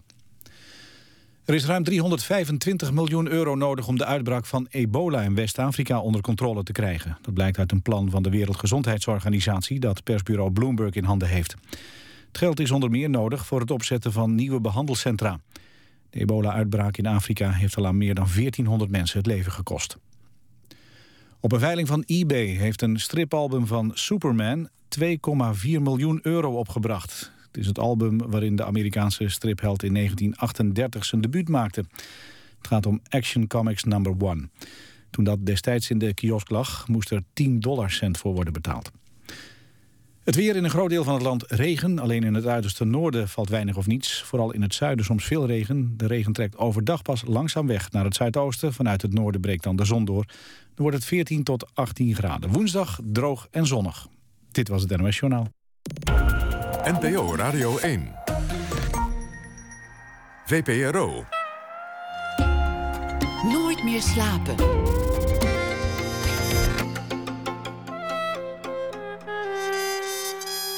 Met Pieter van der Wielen. U luistert naar Nooit meer slapen. Elke dag vragen wij een schrijver om iets te schrijven bij de afgelopen dag. Deze hele week doet dat Gerard van Emmerik, auteur van verhalenbundels als Iets Scherps, Een Priem en Ik ben je vriend. En ook romans als De Verzachters en De Kippenjongen. Goeienacht. Goeienacht, Pieter. Leuk dat je het wil doen. Ja. Dank daarvoor. Ehm, ik ben benieuwd eh, hoe het je gaat eh, bevallen om elke dag eventjes een verhaal eh, te maken en voor te dragen. Ik ook. Het is, het is een heel ander ritme voor de meeste schrijvers. Nou, niet voor mij. Je schrijft al elke dag iets. Ik ben vooral s'nachts wakker, dus dat is, dat is al meegenomen. En ik schrijf elke dag wel iets, dus. Maar nu moet het ook nog gaan over iets dat die dag is gebeurd. Dat is Ja, toch wel een ja. nieuw kneepje. Ja, dat was wel nieuw voor me, zeker. En dan de link met het nieuws, hè. Als het even kan. Ja. Wat was het eh, voor dag vandaag voor jou? Ik eh, was eh, op zoek naar een verhaal en daarvoor ging ik naar Albert Heijn. Maar niet de gewone Albert Heijn. Ik ben naar de Albert Heijn op de Veluwe gegaan, in een Veluwsdorp. Want daar heb je nog van die tafels met, met van die ja, stoel- stoeltjes. En dan kun je de wereld, daar kan de wereld worden doorgenomen door de, door de klanten. En daar heb ik zitten wachten op de inspiratie. Dus je hebt dan in, in de supermarkt een soort sociale hoek waar, je- waar je kunt gaan zitten. Ja, ja. Althans, op de Veluwe. In Amsterdam is dat niet meer zo, maar daar is het, eh, daar is het nog volop. En wat, eh, wat werd er zoal besproken vandaag? Waar, ging het over? Ja, dat, dat zit in het verhaal. Nou, dan draag je het verhaal voor, dan weet Zal ik ik het eerst ook. het verhaal maar eens voorlezen dan? Als je wil, graag. Ja. Het heet Dave. Aan de tafel met gratis koffie en roomboter picolientjes bladerde ik de bonusaanbiedingen door. Tegenover me zat nog een profiteur. Een man van diep in de zeventig. Donkere wenkbrauwen, melancholische blik. Een Veluwse versie van Charles Aznavour. Zit het werken weer op? vroeg hij. Hij wachtte mijn antwoord niet af. Er kwam een leeftijdsgenoot aangerollatord. Ha, Kees, riep Asnavoer. Hoe is het? zei Kees. Met een zucht liet hij zich op de quasi-huiselijke keukenstoel zakken. Zijn hand strekte zich uit naar een stuk koek. Nou, zei Asnavoer, je hebt het zeker gehoord, hè? Maar ze waren er op tijd bij. Wat merkte je? zei de rollatorman. Koppijn. De hele tijd zo'n zeurderig gevoel. Waarna er een exposé volgde over bestraling, littekens en een onbeschofte Ambonese verpleegkundige. Terwijl ik de kip- en kalkoenpagina omsloeg, loerde ik naar Asnavoers hoofd. Een hoofd zonder zichtbare littekens en met een behoorlijke bos haar. Hij had verdomme meer haar dan ik. Koppijn, zei Kees. Heb ik ook vaak last van. Ik dacht, misschien is het migraine of hoe heet het. Asnavoer was nog lang niet uitgepraat over het ziekenhuisleed. En de controles die hem wachten. Maar Kees leek nu het recht op de eisen zijn eigen hoofdbrekers in de schijnwerpers te plaatsen. Ja, ja, zei hij, kauwend op een volgende brok koek. Zo hebben we allemaal wat. Zeg, hoe, vind je dat van die Dries Roelvink? Asnavoer zweeg. Ach nee, vervolgde Kees, niet Dries, zijn zoon. Kom, hoe heet hij? Ook met een D. Asnavoer zweeg nog steeds. Kees was lucht voor hem. Minder dan lucht. Nou, ik moet weer eens verder, zei de rollatorman. Aju. Moeizaam kwam hij overeind en zette koers naar de afdeling zuivel. En Asnavoer keek hem na met een grimmige blik. En ik, ik was klaar met de bonusfolder. Vandaag zalmfilet. Het tweede gratis. Dat is het. Ja, het, het is herkenbaar. Hoewel ik niet vaak op de Veluwe kom, maar het is, eh, het, het is precies hoe dat soort gesprekken gaan. Hè? Iedereen wil zijn eigen ei leggen, toch? Ook een klein beetje. En, eh, en het, het alledaagse vindt zijn weg. En, eh, Grote drama ook. En ja, ik vind het plezieriger dat je, ja, dat je, dat je er deel van uitmaakt. En dat je je erin kunt mengen, maar dat je je ook in, ja, in stilzwijgen kunt hullen. En dan ja, getuige kan zijn van scheidingen en, en een zieke hond of, of gedoe op een camping. en dan de, de, de overgang van Roelvink naar de Zuivel vond ik ook eh, mooi gekozen. Ja. Kende jij die, eh, kende jij die Roelvink? Eh, ik, ik wist niet dat hij een zoon had. En, en eh, ja, dat, dat, is, dat is ook een beetje iets. Hè? Dat, dat je dan ineens wordt geacht je op te winden over iets waar, waar je het bestaan niet van wist. Nee, of over nee. iemand van wie ik eigenlijk nog nooit gehoord had. Nee. Heb ik steeds vaker. Dat, dat, Nou, dat, dat- verrangen. Dat je, dat je, want ik heb natuurlijk het nieuws een beetje gevolgd. En dat, nou, het was nog net niet het openingsnieuws bij SBS. Maar dat, dat, het, dat de roelvinkjes eigenlijk evenveel aandacht kregen als, eh, als Oekraïne of de Gaza-kwestie. En dat, ja, dat dat blijkbaar ook erg leeft bij, eh, bij de plaatselijke bevolking. ja, op, op, op dat vlak, ja, dat is nou eenmaal zo. Dat heeft gewoon een hogere attentiewaarde. Ik bedoel, ja, je zou in een andere wereld leven als, als iedereen eh, zeg maar het, het hoge nieuws even hoog aan zou slaan als de, de rollend achterklap. Maar ja, het heeft gewoon Ja, het- attentiewaarde. ja, het, het erg is dat, dat, ja, dat het ook eh, steeds meer een deel ging uitmaken van mijn bewustzijn vandaag. En, ja, ik, ik had zelfs de neiging om, om dat filmpje te gaan eh, bekijken van die eh, jongen die daar bezig is. Ja. Maar ik weet, ik weet niet of je die details ook allemaal hebt eh, gevolgd. Maar Nee, nee ik, ik, op een gegeven moment dan, dan denk ik, oh ja, nee, dan dit is het genoeg voor. Ja, dan denk ik, ik geloof het wel. En ik, ik hoef dat soort dingen ook niet te zien. Of nou gaat om een onthoofding of, of om, om deze aanzienlijk plezierige handeling. ik kan me wel voorstellen hoe het eruit ziet. Ik hoef niet elk filmpje te zien. Nee, nee. Zonde van je tijd ook, toch? Ja. Dank voor je verhaal voor eh, vandaag. Ik ben benieuwd eh, waar je morgen mee komt. En Ja. eh, voor nu een hele goede nacht, Gerard van Emmerik. Pieter. Tot morgen. Dag. Tot morgen. Uit Duitsland komt de singer-songwriter die zich bedient van de naam Honig. Een naam die wij misschien met eh, andere zaken associëren als eh, macaroni of vermicelli. Het nieuwe album heet It's Not a Hummingbird, It's Your Father's Ghost. En daarvan draaien wij het liedje A Boy.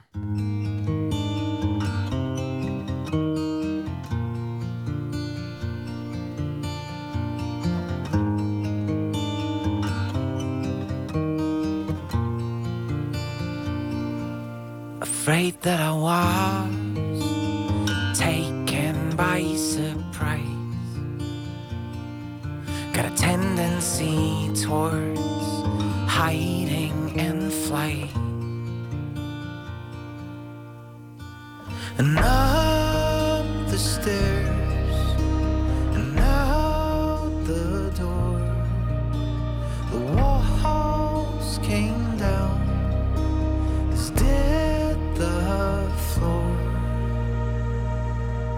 It's a new game, and ancient are the rules. You try not to cheat, and try not to fool us.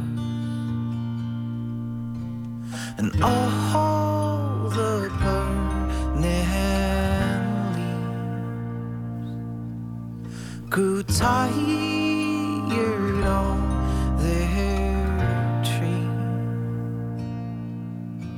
And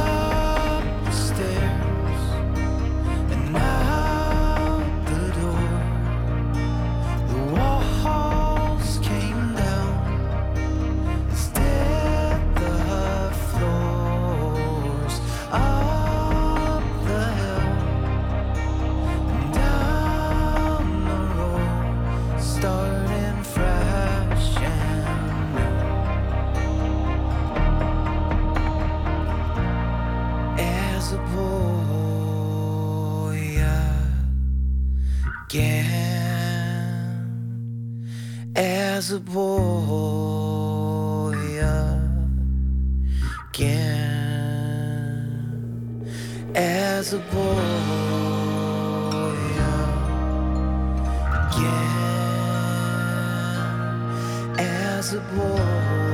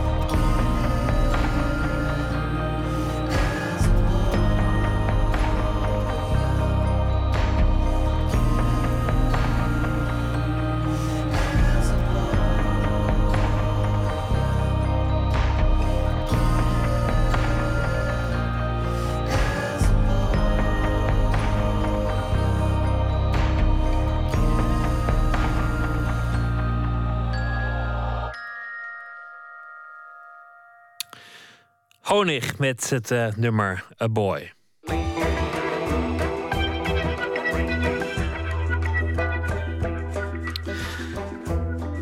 Niet zo lang geleden droeg Rob van Essen elke dag in dit programma Elke Nacht een eh, verhaal voor bij de afgelopen dag. En vorige week verscheen zijn nieuwe boek.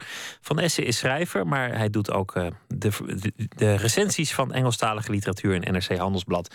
Nieuwe boek is een eh, verhalenbundel. De titel is Hier wonen ook mensen. En het is een verzameling verhalen waarop voor hem typerende wijze het alledaagse en het absurde zij aan zij door het leven gaan.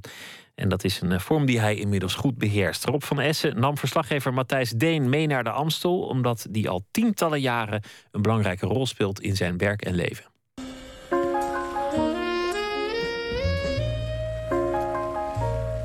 Ja, we staan hier eh, vlakbij, bijna onder de brug eh, bij Ouderkerk over de Amstel.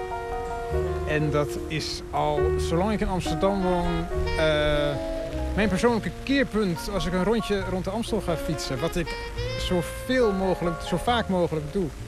Eh, ik probeer het minstens drie keer per week te doen. Aan het eind van de middag. eh, waarom eigenlijk? eh, om, om te bewegen. Als ik een hele dag heb zitten schrijven, dan wil ik wel even de frisse lucht in en gewoon even bewegen om de aderverkalking te voorkomen. En ook om de, de hersenverkalking te voorkomen. Want dit is ook een route waarop zich in de loop der jaren veel problemen hebben opgelost. Die ik eh, eh, onder het schrijven tegenkom. We beginnen altijd aan de drukke kant van de Amstel, langs Zorgvliet. En dan verder eh, naar beneden naar Ouderkerk. Steek ik die brug over en dan ga ik via de stille kant terug. En op die terugweg schiet me heel vaak dingen te binnen. Als een soort flits, een soort relevatie van hoe ik verder moet met het boek.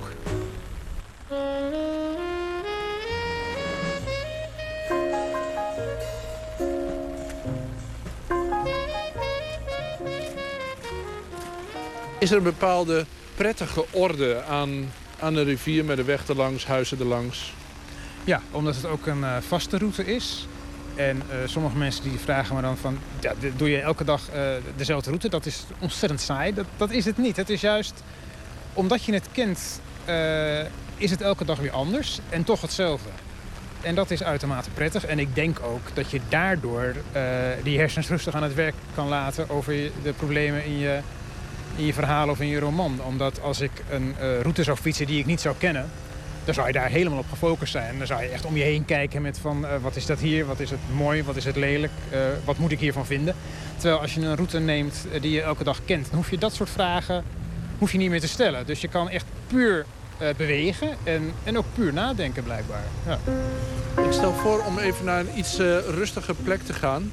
Eh, want er- wordt hier eh, hard gewerkt. Ik stel voor dat we even gewoon bij een brasserie naar binnen gaan... om te kijken of we daar een rustige plek kunnen vinden om verder te praten. Dat is mooi, hè? Die, die, die diesel, ja.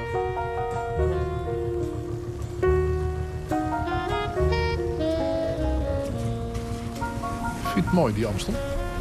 Ik vind het heel erg mooi. Ja, ik vind het eh, mooi en ik eh, doe die route nou heel lang. Ik ken hem nog steeds niet uit mijn hoofd, maar ik zou wel grote delen met mijn ogen dicht kunnen fietsen als er geen ander verkeer zou- zijn, denk ik. En ik zie hem ook eh, voortdurend veranderen. Sowieso echt, geen enkele dag is hetzelfde. En in de loop der jaren zie je huizen afgebroken worden en huizen bijgebouwd worden, bomen gekapt. Ik kan me een hele rare ervaring herinneren toen ik... eh, ik heb ook een tijd in een ander deel van de stad gewoond. En verder van de Amstel vandaan, toen ging ik meer naar richting Waterland, Durgerdam, Ransdorp. En toen was ik voor het eerst sinds jaren deed ik die route weer eh, langs de Amstel. Dat was ergens, nou, ik denk eind jaren negentig. En toen, ik herkende die route nog bijna uit mijn hoofd. Dus ik herkende waar ik fietste en toch was het anders tegelijkertijd. Dus ik wist niet, ik fiets langs de Amstel. Het is nog steeds dezelfde Amstel, maar het is toch totaal anders. Het was alsof je in een droom fietste. Waar, kijk, in een droom kunnen dingen tegelijkertijd waar en niet waar zijn. Dat werkt allemaal mooi door elkaar. In het echt kan dat niet. En het was toch zo'n soort ervaring. En het duurde een hele tijd voordat ik eh, erachter kwam eh, wat het was. En het bleek dat ze een hele rij hoge bomen hadden gekapt... in die eh, in tussenliggende tijd dat ik niet die route had gefietst. En toen wist ik opeens weer hoe het er vroeger uitgezien had, hoe het er nu uitzag. En toen dacht ik, oh ja, natuurlijk. Dat is gewoon het, dat, dat is eigenlijk het vrij triviale verschil. Maar het is een ervaring die ik nooit vergeten ben. Naarmate je vaker langs die Amstel rijdt, lijkt het ook wel alsof de Amstel als personage opdoemt in je verhalen. Ja, daar kies ik niet bewust voor, maar dat is zo'n belangrijk onderdeel van mijn eh, bestaan geworden blijkbaar. Dat ik daar automatisch een bepaalde locatie eh, eh, langs de Amstel plaats. Een, soort, ja, zo'n zo een van die oude buitenplaatsen waar ik dan al eh, 20, 30 jaar langs fiets. Die mij dan geïnspireerd hebben. Een soort gothic pand uit het eh, verhaal Het Huis aan de Amstel, eh, zoals het ook heet. En het speelt ook eh, een verhaal, een rol in het verhaal over die vier roeisters. die op een gegeven moment een fietser over de Amstel aan het roeien zijn. en een fietser zien voor ongelukken. En daar dan even gauw aanleggen bij een stijger van een boerderij. En die fietser zich over die fietser bekommeren. En dat is natuurlijk ook iets, ja, ik zie daar natuurlijk al jarenlang die, die, de roeisters en roeiers, trainen op die Amstel. Dus dat is ook, ja, dat inspireert eh, ook meteen tot een verhaal. Het was april. Er waaide een frisse wind die dwars door je hoofd ging. Tot aan de horizon was de wereld haarscherp. Het water, het riet, de bomen, de weilanden. Alles had blinkende, heldere kleuren die net uit de kleurdoos kwamen. Ik was langs de Amstel naar Oudekerk gefietst... en reed nu aan de andere kant van de rivier terug naar Amsterdam. Over het water schoven roeiers. Hun coaches fietsten mee langs de kant... met megafoons waardoorheen ze aanwijzingen riepen. Ik fietste tegen de wind in en verheugde me op de prettige vermoeidheid die ik zou voelen als ik thuis was. En opeens stokte alles, behalve ik. Ik vloog geluidloos door de lucht. Pas toen ik neerplofte ging de tijd weer door, met een klap en met gekraak. Daarna begonnen andere geluiden. Een blikkerige stem, geroep, het geluid van klotsend water, gebonk op een steiger, het vochtige geritsel van voetstappen door gras, het gedempte geluid van kousenvoeten op asfalt. Ik zag blauwe lucht en witte wolken en boomtakken met jong blad, dons nog bijna. En daarna hun gezichten, boven me, alsof er één gezicht was dat voortdurend van vorm veranderde. En van haarkleur, van oogkleur, van stem, van positie. Wimpers, sproeten, vochtige lippen, witte tanden, donkere neusgaten, stevige blote armen, vingers op mijn huid. En daaroverheen, nog sterker, de geuren, zweet en opwinding, warm en fris tegelijk, als zeewater waar de zon op heeft geschenen, als lichamen die hebben gewerkt, meisjes die hebben geroeid. Als je het jaren achter elkaar doet, dan, is het, dan krijgt het een, eh, een soort vanzelfsprekende aanwezigheid. Waar ik, hou, ik hou wel van dingen die vanzelfsprekend aanwezig zijn. eh, buiten je eigen huis. Dus, eh, wij, gewoon, die, niet dat het altijd hetzelfde blijft, maar wel ze bieden je altijd de mogelijkheid om te worden gezien en eh, te worden geregistreerd. En het, zeker omdat ik in de stad woon, is het heel prettig dat, dat ik binnen vijf minuten buiten die stad ben. En het is ja, rustgevend, dat klinkt weer iets te, iets, iets te genezend of iets te... Maar er, zit wel, er gaat wel een bepaalde werking van uit. Misschien, misschien nog eerder gewoon opwekkend dan genezend. Of misschien ook wel relativerend. Want het is, eh, het is... Wat relativeert het dan? Het relativeert de stad in feite, waar je even voor een uurtje eh, aan ontsnapt bent. Want het is natuurlijk... Kijk, de stad is ook een, een, een eeuwenoud landschap dat steeds verandert. Maar die veranderingen zie je natuurlijk veel minder. In zo'n landschap heb je nog de illusie dat je, eh, dat je het oude doorheen kan zien schemeren. Zo de loop van de kronkelige eh, rivier. Sommige vergezichten eh, met, eh, met hoge bomen. Dat, is, dat zijn natuurlijk niet dezelfde hoge bomen die Rembrandt ooit etste. Maar het zijn wel soortgelijke bomen. En bomen hebben natuurlijk iets tijdloos en zijn niet echt aan, eh zoals in het wild groeien, niet echt aan mode onderhevig of zo. Dus het, het, het heeft wel iets, iets. Het is tijdlozer dan, eh, dan bestaan in de stad. En daar zit ook dat vanzelfsprekende kennelijk in van het landschap. Precies, daarom is het vanzelfsprekend. Want het, Maar is het vanzelfsprekend dat jij daar bent? Je bent te gast. Maar soms voelt het heel vanzelfspre- vanzelfsprekend om daar te gast te zijn. Maar ik vraag dat niet voor niks, omdat ik de indruk heb dat jij in veel van je verhalen ook te gast bent. Of dat er personages door jouw verhalen lopen die te gast zijn bij de, de handeling die eigenlijk elders gebeurt.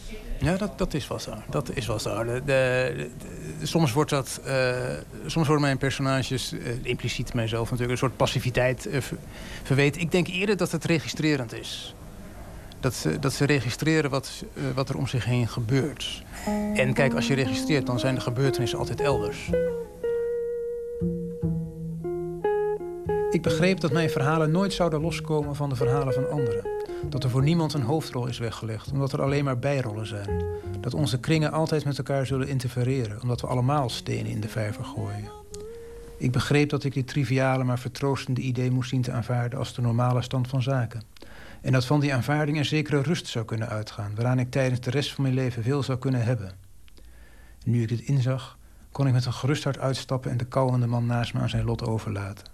Maar ik stapte niet uit. Ik weet nog steeds niet precies waarom. Misschien vond ik dat ik hem gezelschap moest houden in zijn wanhopige poging een vel papier op te eten. Maar het kon ook dat ik bleef zitten om te kijken of het hem zou lukken. En hoe lang het zou duren, want ik had zoiets nooit eerder gezien. Je bent naar buiten gericht, je ziet wat er om je heen gebeurt. En dat, dat hebben veel eh, van mijn personages uit mijn verhalen en romans wel gemeen, eh, denk ik. En dat heeft natuurlijk ook iets te maken met mijn eigen registrerende blik. Heeft het ook niet iets te maken met de generatie? eh, waar, want je bent van, van 63, dat wil zeggen... op het moment dat jij opgroeide, jaren 70 begin... ja, toen was eigenlijk veel al gebeurd. Ja, dat, dat- daar zit wel wat. De wereld was toen wel een beetje af. Een soort tussenwereld bijna. Eh, zeker in de jaren 70. Een soort de naweeën van de, van de jaren 60. Toen, wa- waar ik opgroeide eh, was de Tweede Wereldoorlog eh, was nog actueel. Omdat de generatie van mijn ouders dat bewust hadden meegemaakt als pubers of als adolescenten. Nou, dat hadden wij ook niet meegemaakt. Dat werd dan weer gecompenseerd door een heleboel jeugdboeken die in de Tweede Wereldoorlog speelden. En allemaal heel eh, spannend waren. En eh, dus misschien heeft dat die registrerende blik eh, wel eh, aangemoedigd. En ik, ehm, ik heb mezelf ook te danken aan Simon Carmichael, denk ik. Want mijn vader, eh, hoewel die van christelijk huizen was, waren wij wel lid van mochten wij lid zijn van de openbare bibliotheek. En mijn vader leende daar op een gegeven moment, toen ik een jaar of 10, 11 was, hele boek- boeken van Carmichael. Die las ik ook. Ja, en die liep ook maar een beetje door Amsterdam te slenteren om ze heen te kijken. En dat, dat leek mij wel wat. En toen ik dan tien jaar later inderdaad naar Amsterdam verhuisde, was dat ook wat ik, wat ik het liefste deed. Door Amsterdam lopen. En eh, ja, het is achteraf gezien een vrij ouderlijke manier om eh, Amsterdam te verkennen begin jaren tachtig. Ik slenterde zomaar langs de kramen. De kooplui zongen de bizarre opera van hun aanprijzingen. Veel bassen. Ik had geen haast en ik hoefde nergens heen. Een stemming die grensde aan geluk. Je zal toch ook wel gedemonstreerd hebben, Rob? Drink eerst even wat.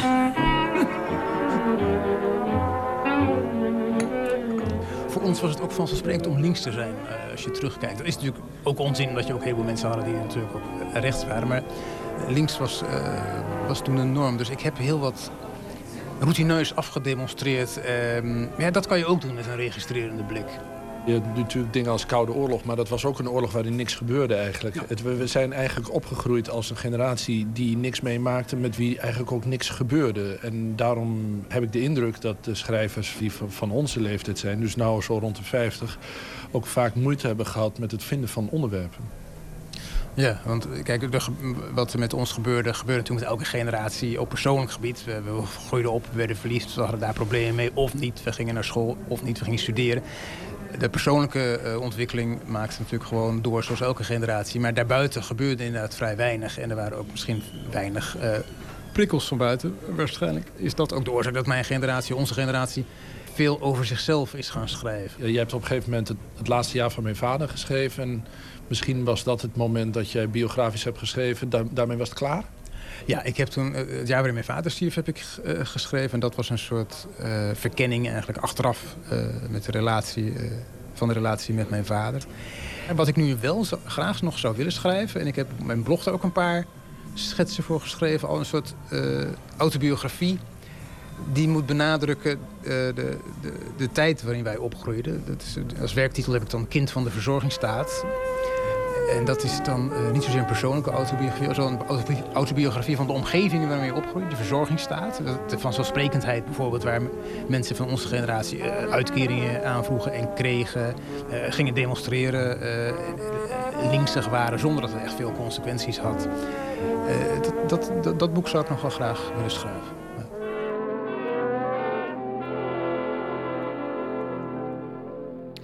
Verslaggever Matthijs Deen in gesprek met Rob van Essen. De titel van het nieuwe boek is Hier wonen ook mensen. We gaan luisteren naar eh, de koning en de uitvinder. Nou ja, een van de uitvinders van de soulmuziek. Ray Charles, Lonely Avenue. Now my room has got two windows, but the sunshine never comes through. You know it's always dark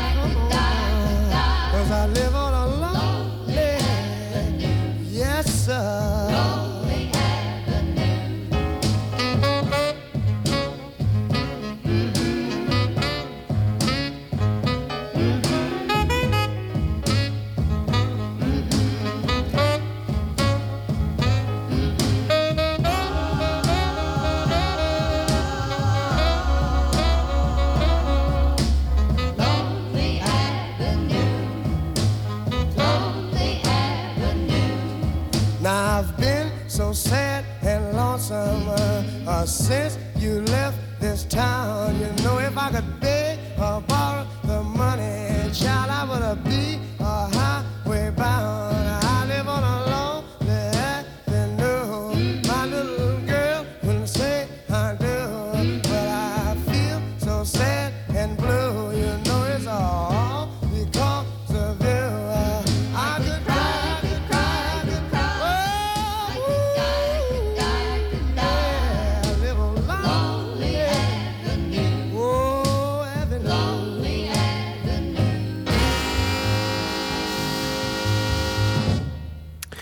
Ray Charles, Lonely Avenue. Nooit meer slapen. Elke maandagnacht zoeken wij uh, cultureel verslag op een ander continent. En Marten Kaan die woont uh, met man en kinderen in New Delhi in India. En daar draait een, uh, een film die voor veel ophef zorgt. Kama Sutra, ook nog in 3D. Goeienacht voor ons, Marten. Goeie, Goeienacht. Goedemorgen voor jou waarschijnlijk inmiddels. Ja.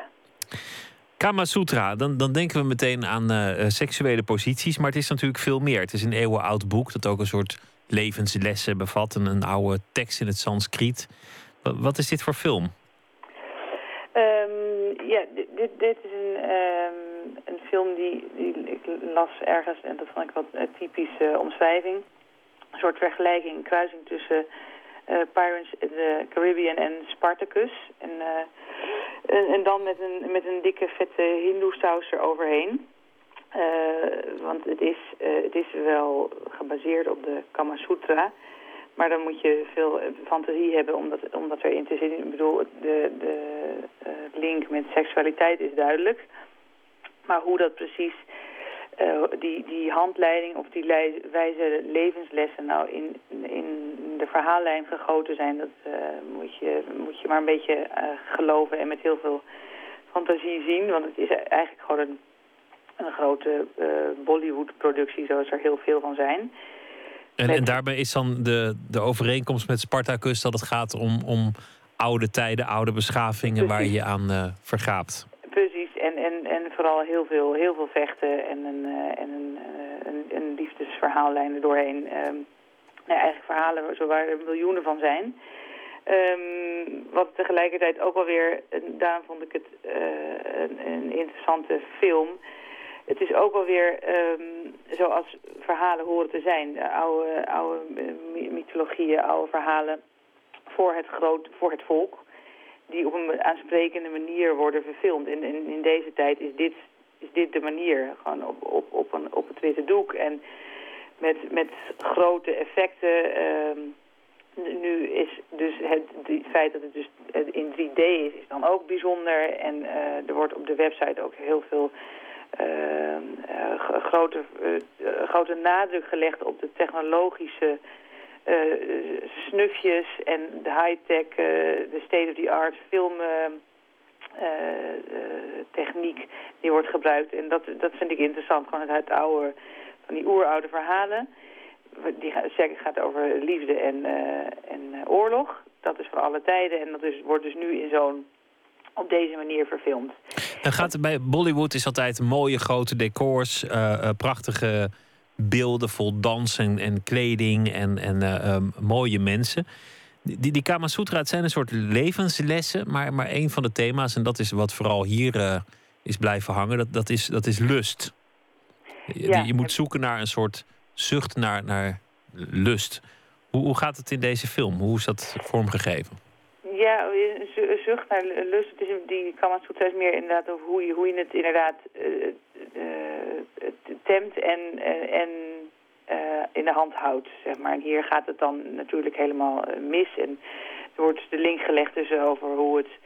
De link tussen de, liefde en oorlog en hoe dat dus... Het gevaar daarvan. En dit gaat over een en, en uiteindelijk ook de schoonheid van, van, uh, van de Kamasutra en van de seksualiteit. En het gaat over een prinses die op zoek gaat naar haar man. En dan de, is uiteindelijk is er natuurlijk een grote strijd tussen twee schepen. Met strijders. En daarin ontmoet zij een, een, een soort andere prins die haar dan inwijdt in in de, de, de, finesse van de, de seksuele liefde. En dan ondergaat zij een transformatie. dat is een flinterdunne verhaal en dat is ook wel een beetje de essentie van de film, dat het daar ook niet echt om gaat. Het gaat om, het gaat om, de, om, de, om, om, de, om de plaatjes, om de, de, oorlog en de mooie beelden. En dan in mooie de bling-bling, de, de sieraden, de, de lichamen, de, de dans, ja. de, de kleuren. Uh, Charlene Chopra is, is een van de, de, de actrices. Ze is een actrice waar al veel om te doen is, omdat ze uh, naakt geposeerd heeft ooit uh, in, in, haar carrière. Maar nu was er nog extra gedoe, roddel, achterklap en sensatie rondom deze film. Wat was dat? Ja, zij had zelf eh, een, aantal beelden en, eh, van de fotoshoot en ook nog een, een, een stukje eh, film op YouTube gezet. Of, eh, ja, haar, ze heeft een eigen YouTube-kanaal dat ze dan via Twitter de wereld ingooit. Dus er wordt ook de Twitter-koningin genoemd hier. Wat zo'n ordinair schandaaltje werd en waardoor de regisseur haar wilde vervangen uiteindelijk voor een Amerikaanse actrice. Eh, Dat had hij had ook, hij wist ook al wie. En nou, uiteindelijk heeft zij haar excuses aangeboden. En dat speelde allemaal een beetje rond, de, rond het moment dat zij eh, dat de film eh, in première ging op het eh, filmfestival in Cannes. Dus dan wordt het echt ook meteen weer een beetje een trashy laagje natuurlijk. Eh, als je hier, eh, of als je gewoon zoekt ook waar het over gaat en waar die film over, waar het over te doen is, gaat het alleen maar eigenlijk over, over die rel en over haar en over eh, de, ook wat, dat feit dat zij voor die rol gecast is, dat het dan de kwaliteit van de films en het serieuze artistieke gehalte zou beïnvloeden, et cetera. Dus het wordt uiteindelijk gewoon zo- zo'n Bollywood-rel waar je er hier eh, ongelooflijk veel van hebt. Ik bedoel, story en privé zouden echt eh, een puntje aan kunnen zuigen als je het hebt over de, de roddelindustrie hier. En, eh, Maar met deze film, want, want er is eigenlijk al heel lang wachten op, op een Bollywood-film die echt een groot succes ook in het Westen en vooral in de Verenigde Staten teweeg brengt. En er is wel van gesproken dat deze film daarvoor in aanmerking zou komen. Je noemde al een première in Cannes. eh, werd ook getipt voor een Oscar. En het thema is natuurlijk ook niet toevallig gekozen, want dit is een verhaal dat in, in het Westen altijd tot aandacht leidt, de Kama Sutra. Precies, wel iets waarmee je als India eh, aantrekkelijk maakt... en wat mensen inderdaad wereldwijd interessant vinden daaraan. Ze zijn ook nog genomineerd voor de 86th Academy Awards... voor een aantal eh, drietal ehm, eh, prijzen en waaronder ook voor muziek. En dat is ook zoals ze zichzelf ook, waar ze zeggen zelf naast de techniek... en het oeroude, oeroude Indiase verhaal... Eh, ook eh, waar ze zich ook op laten voorstaan dat het, dat het, dus, dat het een, een, mu- een muziek- musical thriller, zei de regisseur ergens in een persconferentie, dat vond ik ook wel een mooie hilarische omschrijving. Ehm, want het is natuurlijk een, een hele rare, een rare omschrijving, maar dat is iets wat hier dus wordt gezien als iets goeds en iets leuks. Dus dat, eh, Is het, is het een goede film? nou, n- nee, ja, maar dat is natuurlijk, daar had ik op ge- gerekend op die vraag. Maar het probleem natuurlijk is, uh, ja, hou je ook van dit soort films? Eh, deze, Spartacus is ook niet een film waarbij ik nou echt uren aan mijn eh, stoel gekluisterd blijf zitten. En dat is, bij deze film is dat dus ook niet zo. Maar het heeft ook een beetje met mijn smaak te maken. Ehm, dus dan kan ik dan eigenlijk niet heel objectief antwoord Nee, je moet maar het is- in het genre Bollywood en, en daar moet- moet je je even aan overgeven natuurlijk. Dat is, Precies, maar wat ik daar, het schijnt, het, qua camerawerk, het is, het is heel pompeus, en, uh, maar het is niet subtiel en mooi gedaan. Dat is, eh, de, de seksscènes zijn ook, zijn, het, is gewoon, het is vooral grappig, maar het is, ik vind het is esthetisch niet echt een, eh, een, eh, een eh, hoogvlieger. maar hij zal hier eh, ongetwijfeld in eh, première gaan. Marten Ja. Kaan, dank je wel. En een, eh, een eh, goede dag nog daar in, eh ja, in Delhi. hartelijk dank. Dank je wel. Uit Brooklyn, New York komt de band Bishop Allen. Hun vijfde album is uit. En daarop vonden wij dit nummer, Shadow.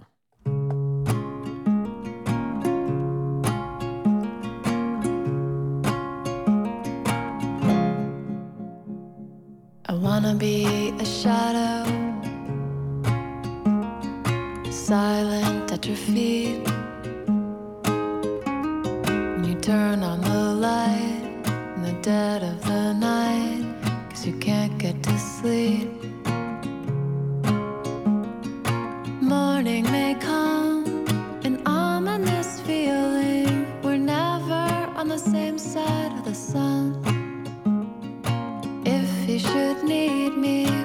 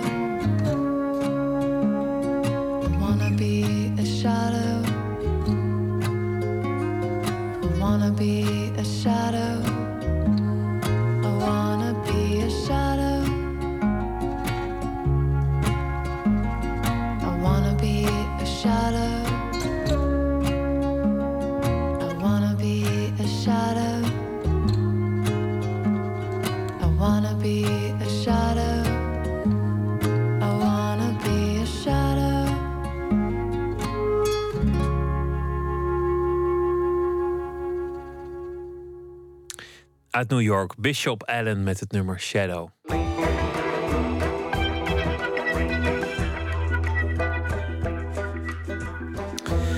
U luistert naar de VPRO, het programma Nooit meer slapen. Wat gebeurt er met publiek dat naar een dansvoorstelling kijkt? Verandert er iets in hun gedrag of in hun lichaamshouding bij het zien van een bepaalde choreografie? Ontstaat er wellicht een groepsgevoel wanneer de dansers onderling ook een eenheid vormen? Dat soort vragen stellen de onderzoekers van de Rijksuniversiteit Groningen zich. En ze hopen daar een antwoord op te vinden. Samen met dansers en choreografen bedachten ze een heus experiment dat de afgelopen dagen werd uitgevoerd op Festival Noorderzon in Groningen.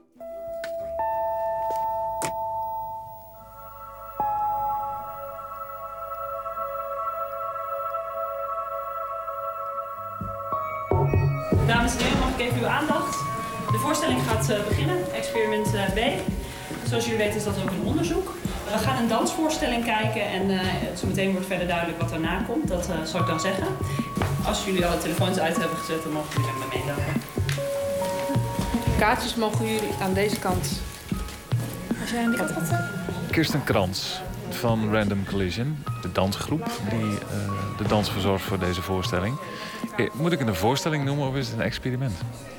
Ehm, ja, dat is een goede vraag. Het is eigenlijk beide. Het is zowel een voorstelling als een experiment. Dus de, de choreografen zijn ehm, eigenlijk geïnspireerd door wetenschappelijke theorieën. Maar daar hebben ze zelf een artistieke twist aan gegeven. Dus het is echt een voorstelling geworden.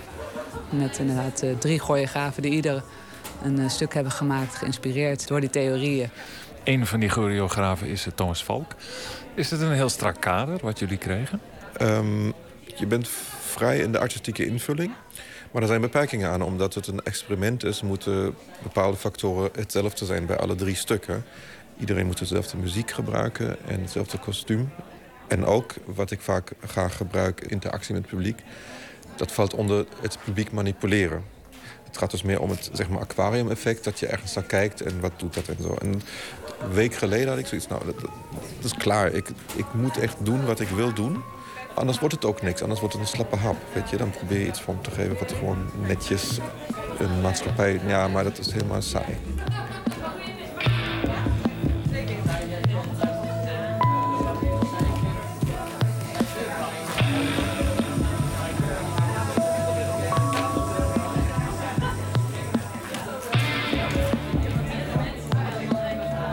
Aafke van Maurik Broekman en Tom Postmus. Beide gedragswetenschappers aan de Rijksuniversiteit hier in Groningen.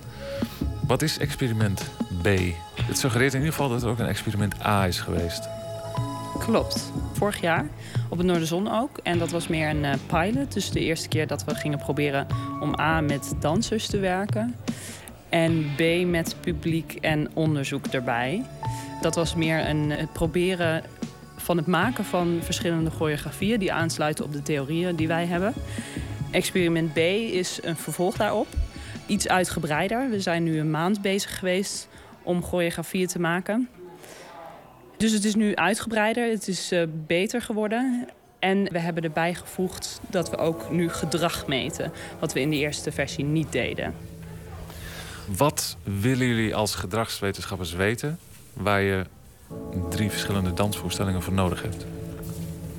Nou, we zijn geïnteresseerd in de manier waarop sociale groepen ontstaan. De manier waarop samenlevingen functioneren. Het kenmerk van hele grote groepen is dat een klein clubje maar iets doet. En je een hele grote groep omstanders hebt... die zich op de een of andere manier bij betrokken gaat voelen.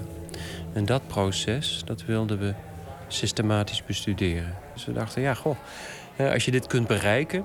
in interactie tussen dansers en publiek... dan is dans misschien een geschikt medium om eens te kijken, om die theorie eens te gaan toetsen. Kan ik het dan zo samenvatten dat je meet in hoeverre wat er op de vloer gebeurt overkomt bij het publiek?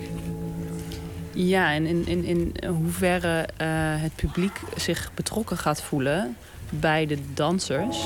Terwijl ze eigenlijk niet erbij horen. Eigenlijk passief zijn. Maar we willen weten of ze, ondanks het feit dat ze passief zijn als publiek, toch groepsgevoelens eh, kunnen krijgen en zich verbonden kunnen gaan voelen met wat er gebeurt op het podium.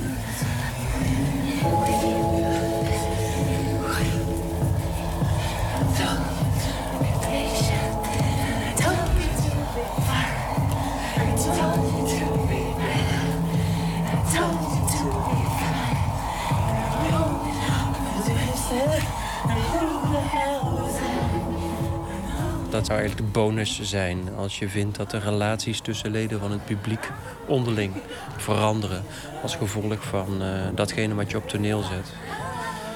En ehm, dat is ook eigenlijk de bedoeling van de tweede fase van het onderzoek. De eerste fase, daar kijken mensen naar een voorstelling en eh, hoeven ze eigenlijk eh, zelf helemaal niets te doen. En de tweede fase gaan ze naar een andere ruimte en dan moeten ze samen een spel spelen, een bepaalde taak oplossen. En dan moeten mensen ineens zelf allerhande ja, een invulling geven eigenlijk aan die taak. En we hopen dat datgene wat ze gezien hebben in de eerste fase... dat dat een grote invloed gaat hebben op het type keuzes wat ze maken... en de manier waarop ze die taak gaan uitvoeren.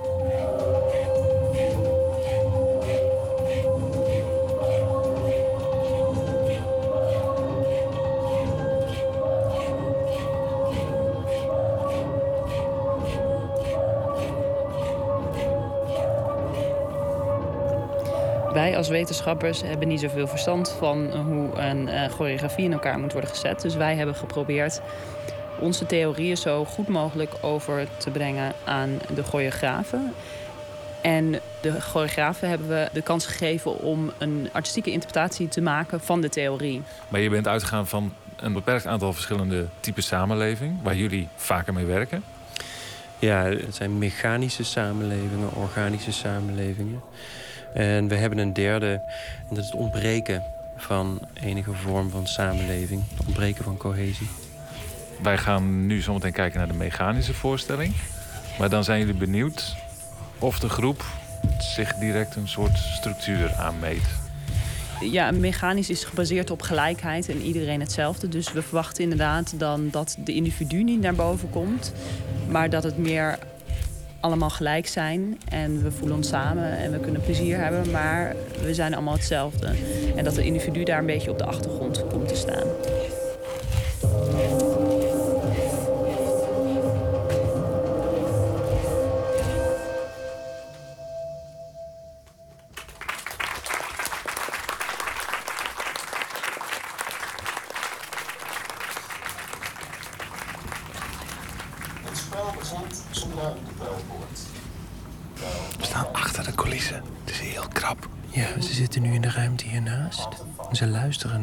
Audiotape waarin wordt uitgelegd wat voor taak ze hebben. Maar je hoort nu de bel.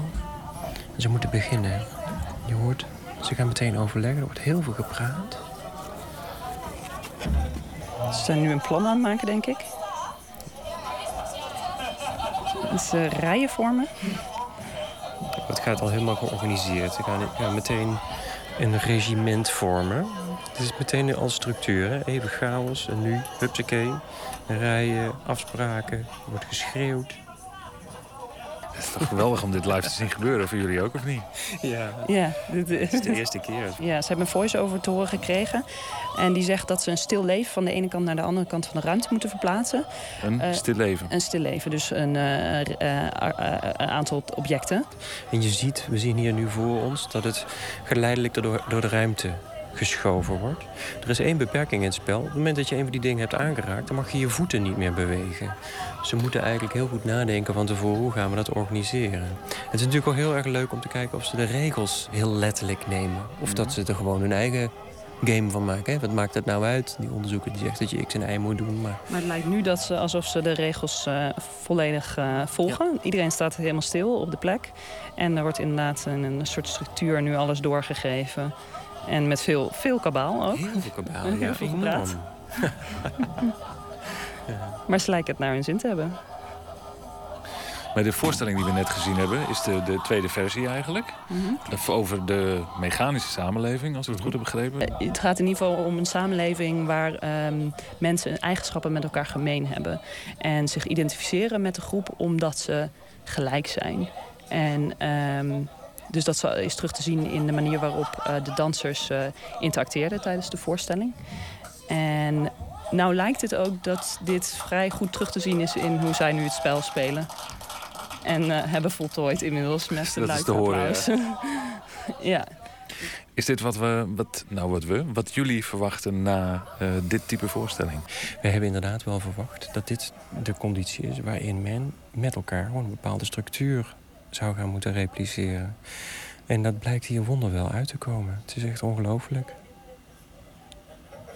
Want vanmiddag, de eerste voorstelling, die was... eh, Eh, dat was een voorstelling waar eigenlijk de dansers eh, gebrek aan solidariteit uitbeelden. Dus geen samenleving. Ehm, ik denk dat ik nu iets moet doen. Oh, dan loop ik even met je mee. ja. We moeten door. We moeten door.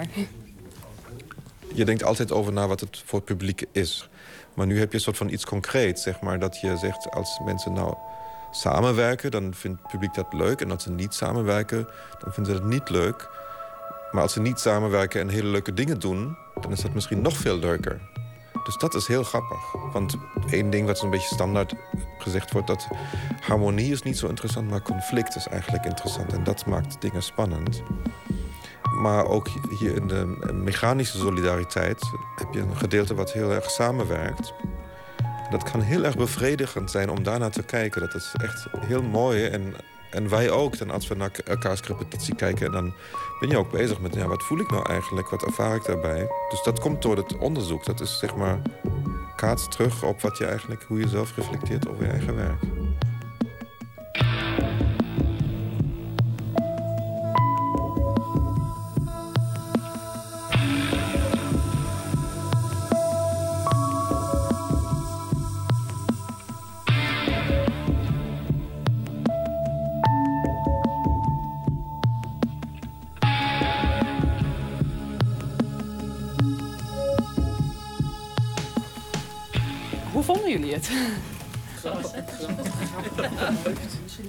Om te vertellen. Iets wat jullie niet door mogen vertellen aan mensen die nog naar deze voorstelling gaan. Maar er zijn verschillende voorstellingen. Jullie hebben slechts één van eh, drie voorstellingen gezien. En elke voorstelling is net wat anders wat betreft de interactie tussen de dansers. En dat, daarin zijn we geïnteresseerd. Wat doet dat met het publiek? Als er een verbinding is, dan heb je die er zelf ingelegd. Hè, want eh, eh, je kunt die taak ook heel anders opvatten. Het begint er al mee dat je niet alle regels hoeft na te volgen. Of dat je van mening kunt zijn dat je daar helemaal niet aan mee wilt doen. En dan ga je gewoon zo aan de kant staan en van ja, wat is dit nou weer? Ik weet niet, Ja, dat, dat, Ga een beetje eh, praten. ik werd er een beetje eh, opstandig van. maar ja, dus dat vond ik confronterend. Want, want dan doe ik, ik kom dan binnen en dan doe ik dat. En, en terwijl ik het aan het doen ben, denk ik, nou, nou, waarom doe ik dit? Waar, ik, ik heb helemaal niet nagedacht over wat ik zelf eigenlijk wil. Of, of ik had ook niet kunnen doen. wa- Of inderdaad wel kunnen bewegen. Of eh, die. Dus ik, ik voel mezelf zo volgzaam, zo eh, braaf. Er is een voorstelling die beter bij jouw persoonlijkheid past.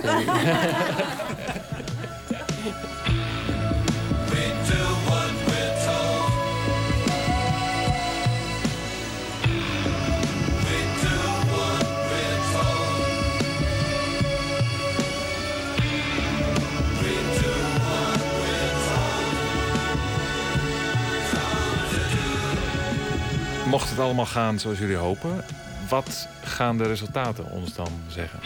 Eh, De resultaten gaan dan zeggen dat er inderdaad eh, groepsgevoelens kunnen worden opgewekt door te kijken naar een voorstelling. En hopelijk dus dat dat ook gedrag van het publiek onderling beïnvloedt. En dat de relatie tussen de dansers en het publiek kan worden ehm, gemanipuleerd door de interactie die de dansers op het podium laten zien. Het is natuurlijk toch ook een manier om iets te zeggen over het nut wat kunst heeft. Het is helemaal niet duidelijk wat kunst doet voor de maatschappij of met de maatschappij. Nou, dit onderzoek legt wel degelijk een hele concrete link tussen eh, vormen van samenleving die op toneel neerzet en wat dat doet met het gedrag van het publiek onmiddellijk na afloop.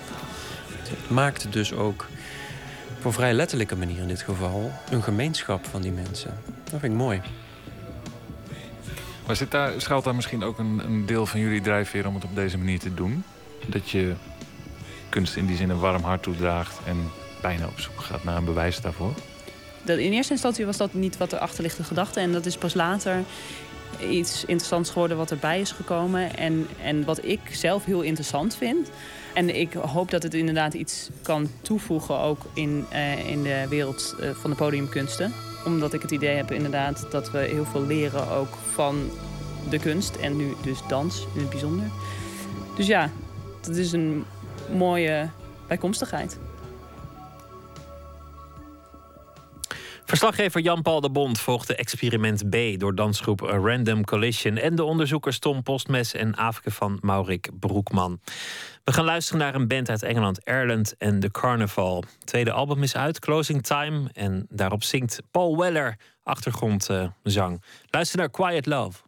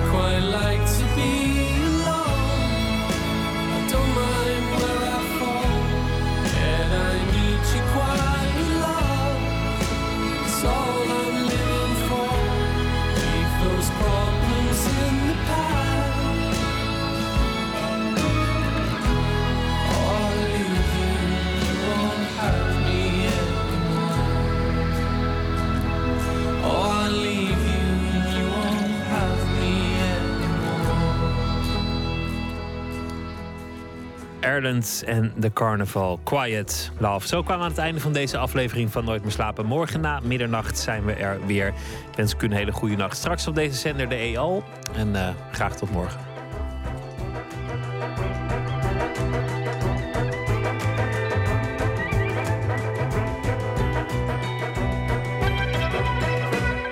Op Radio 1, het nieuws van alle kanten.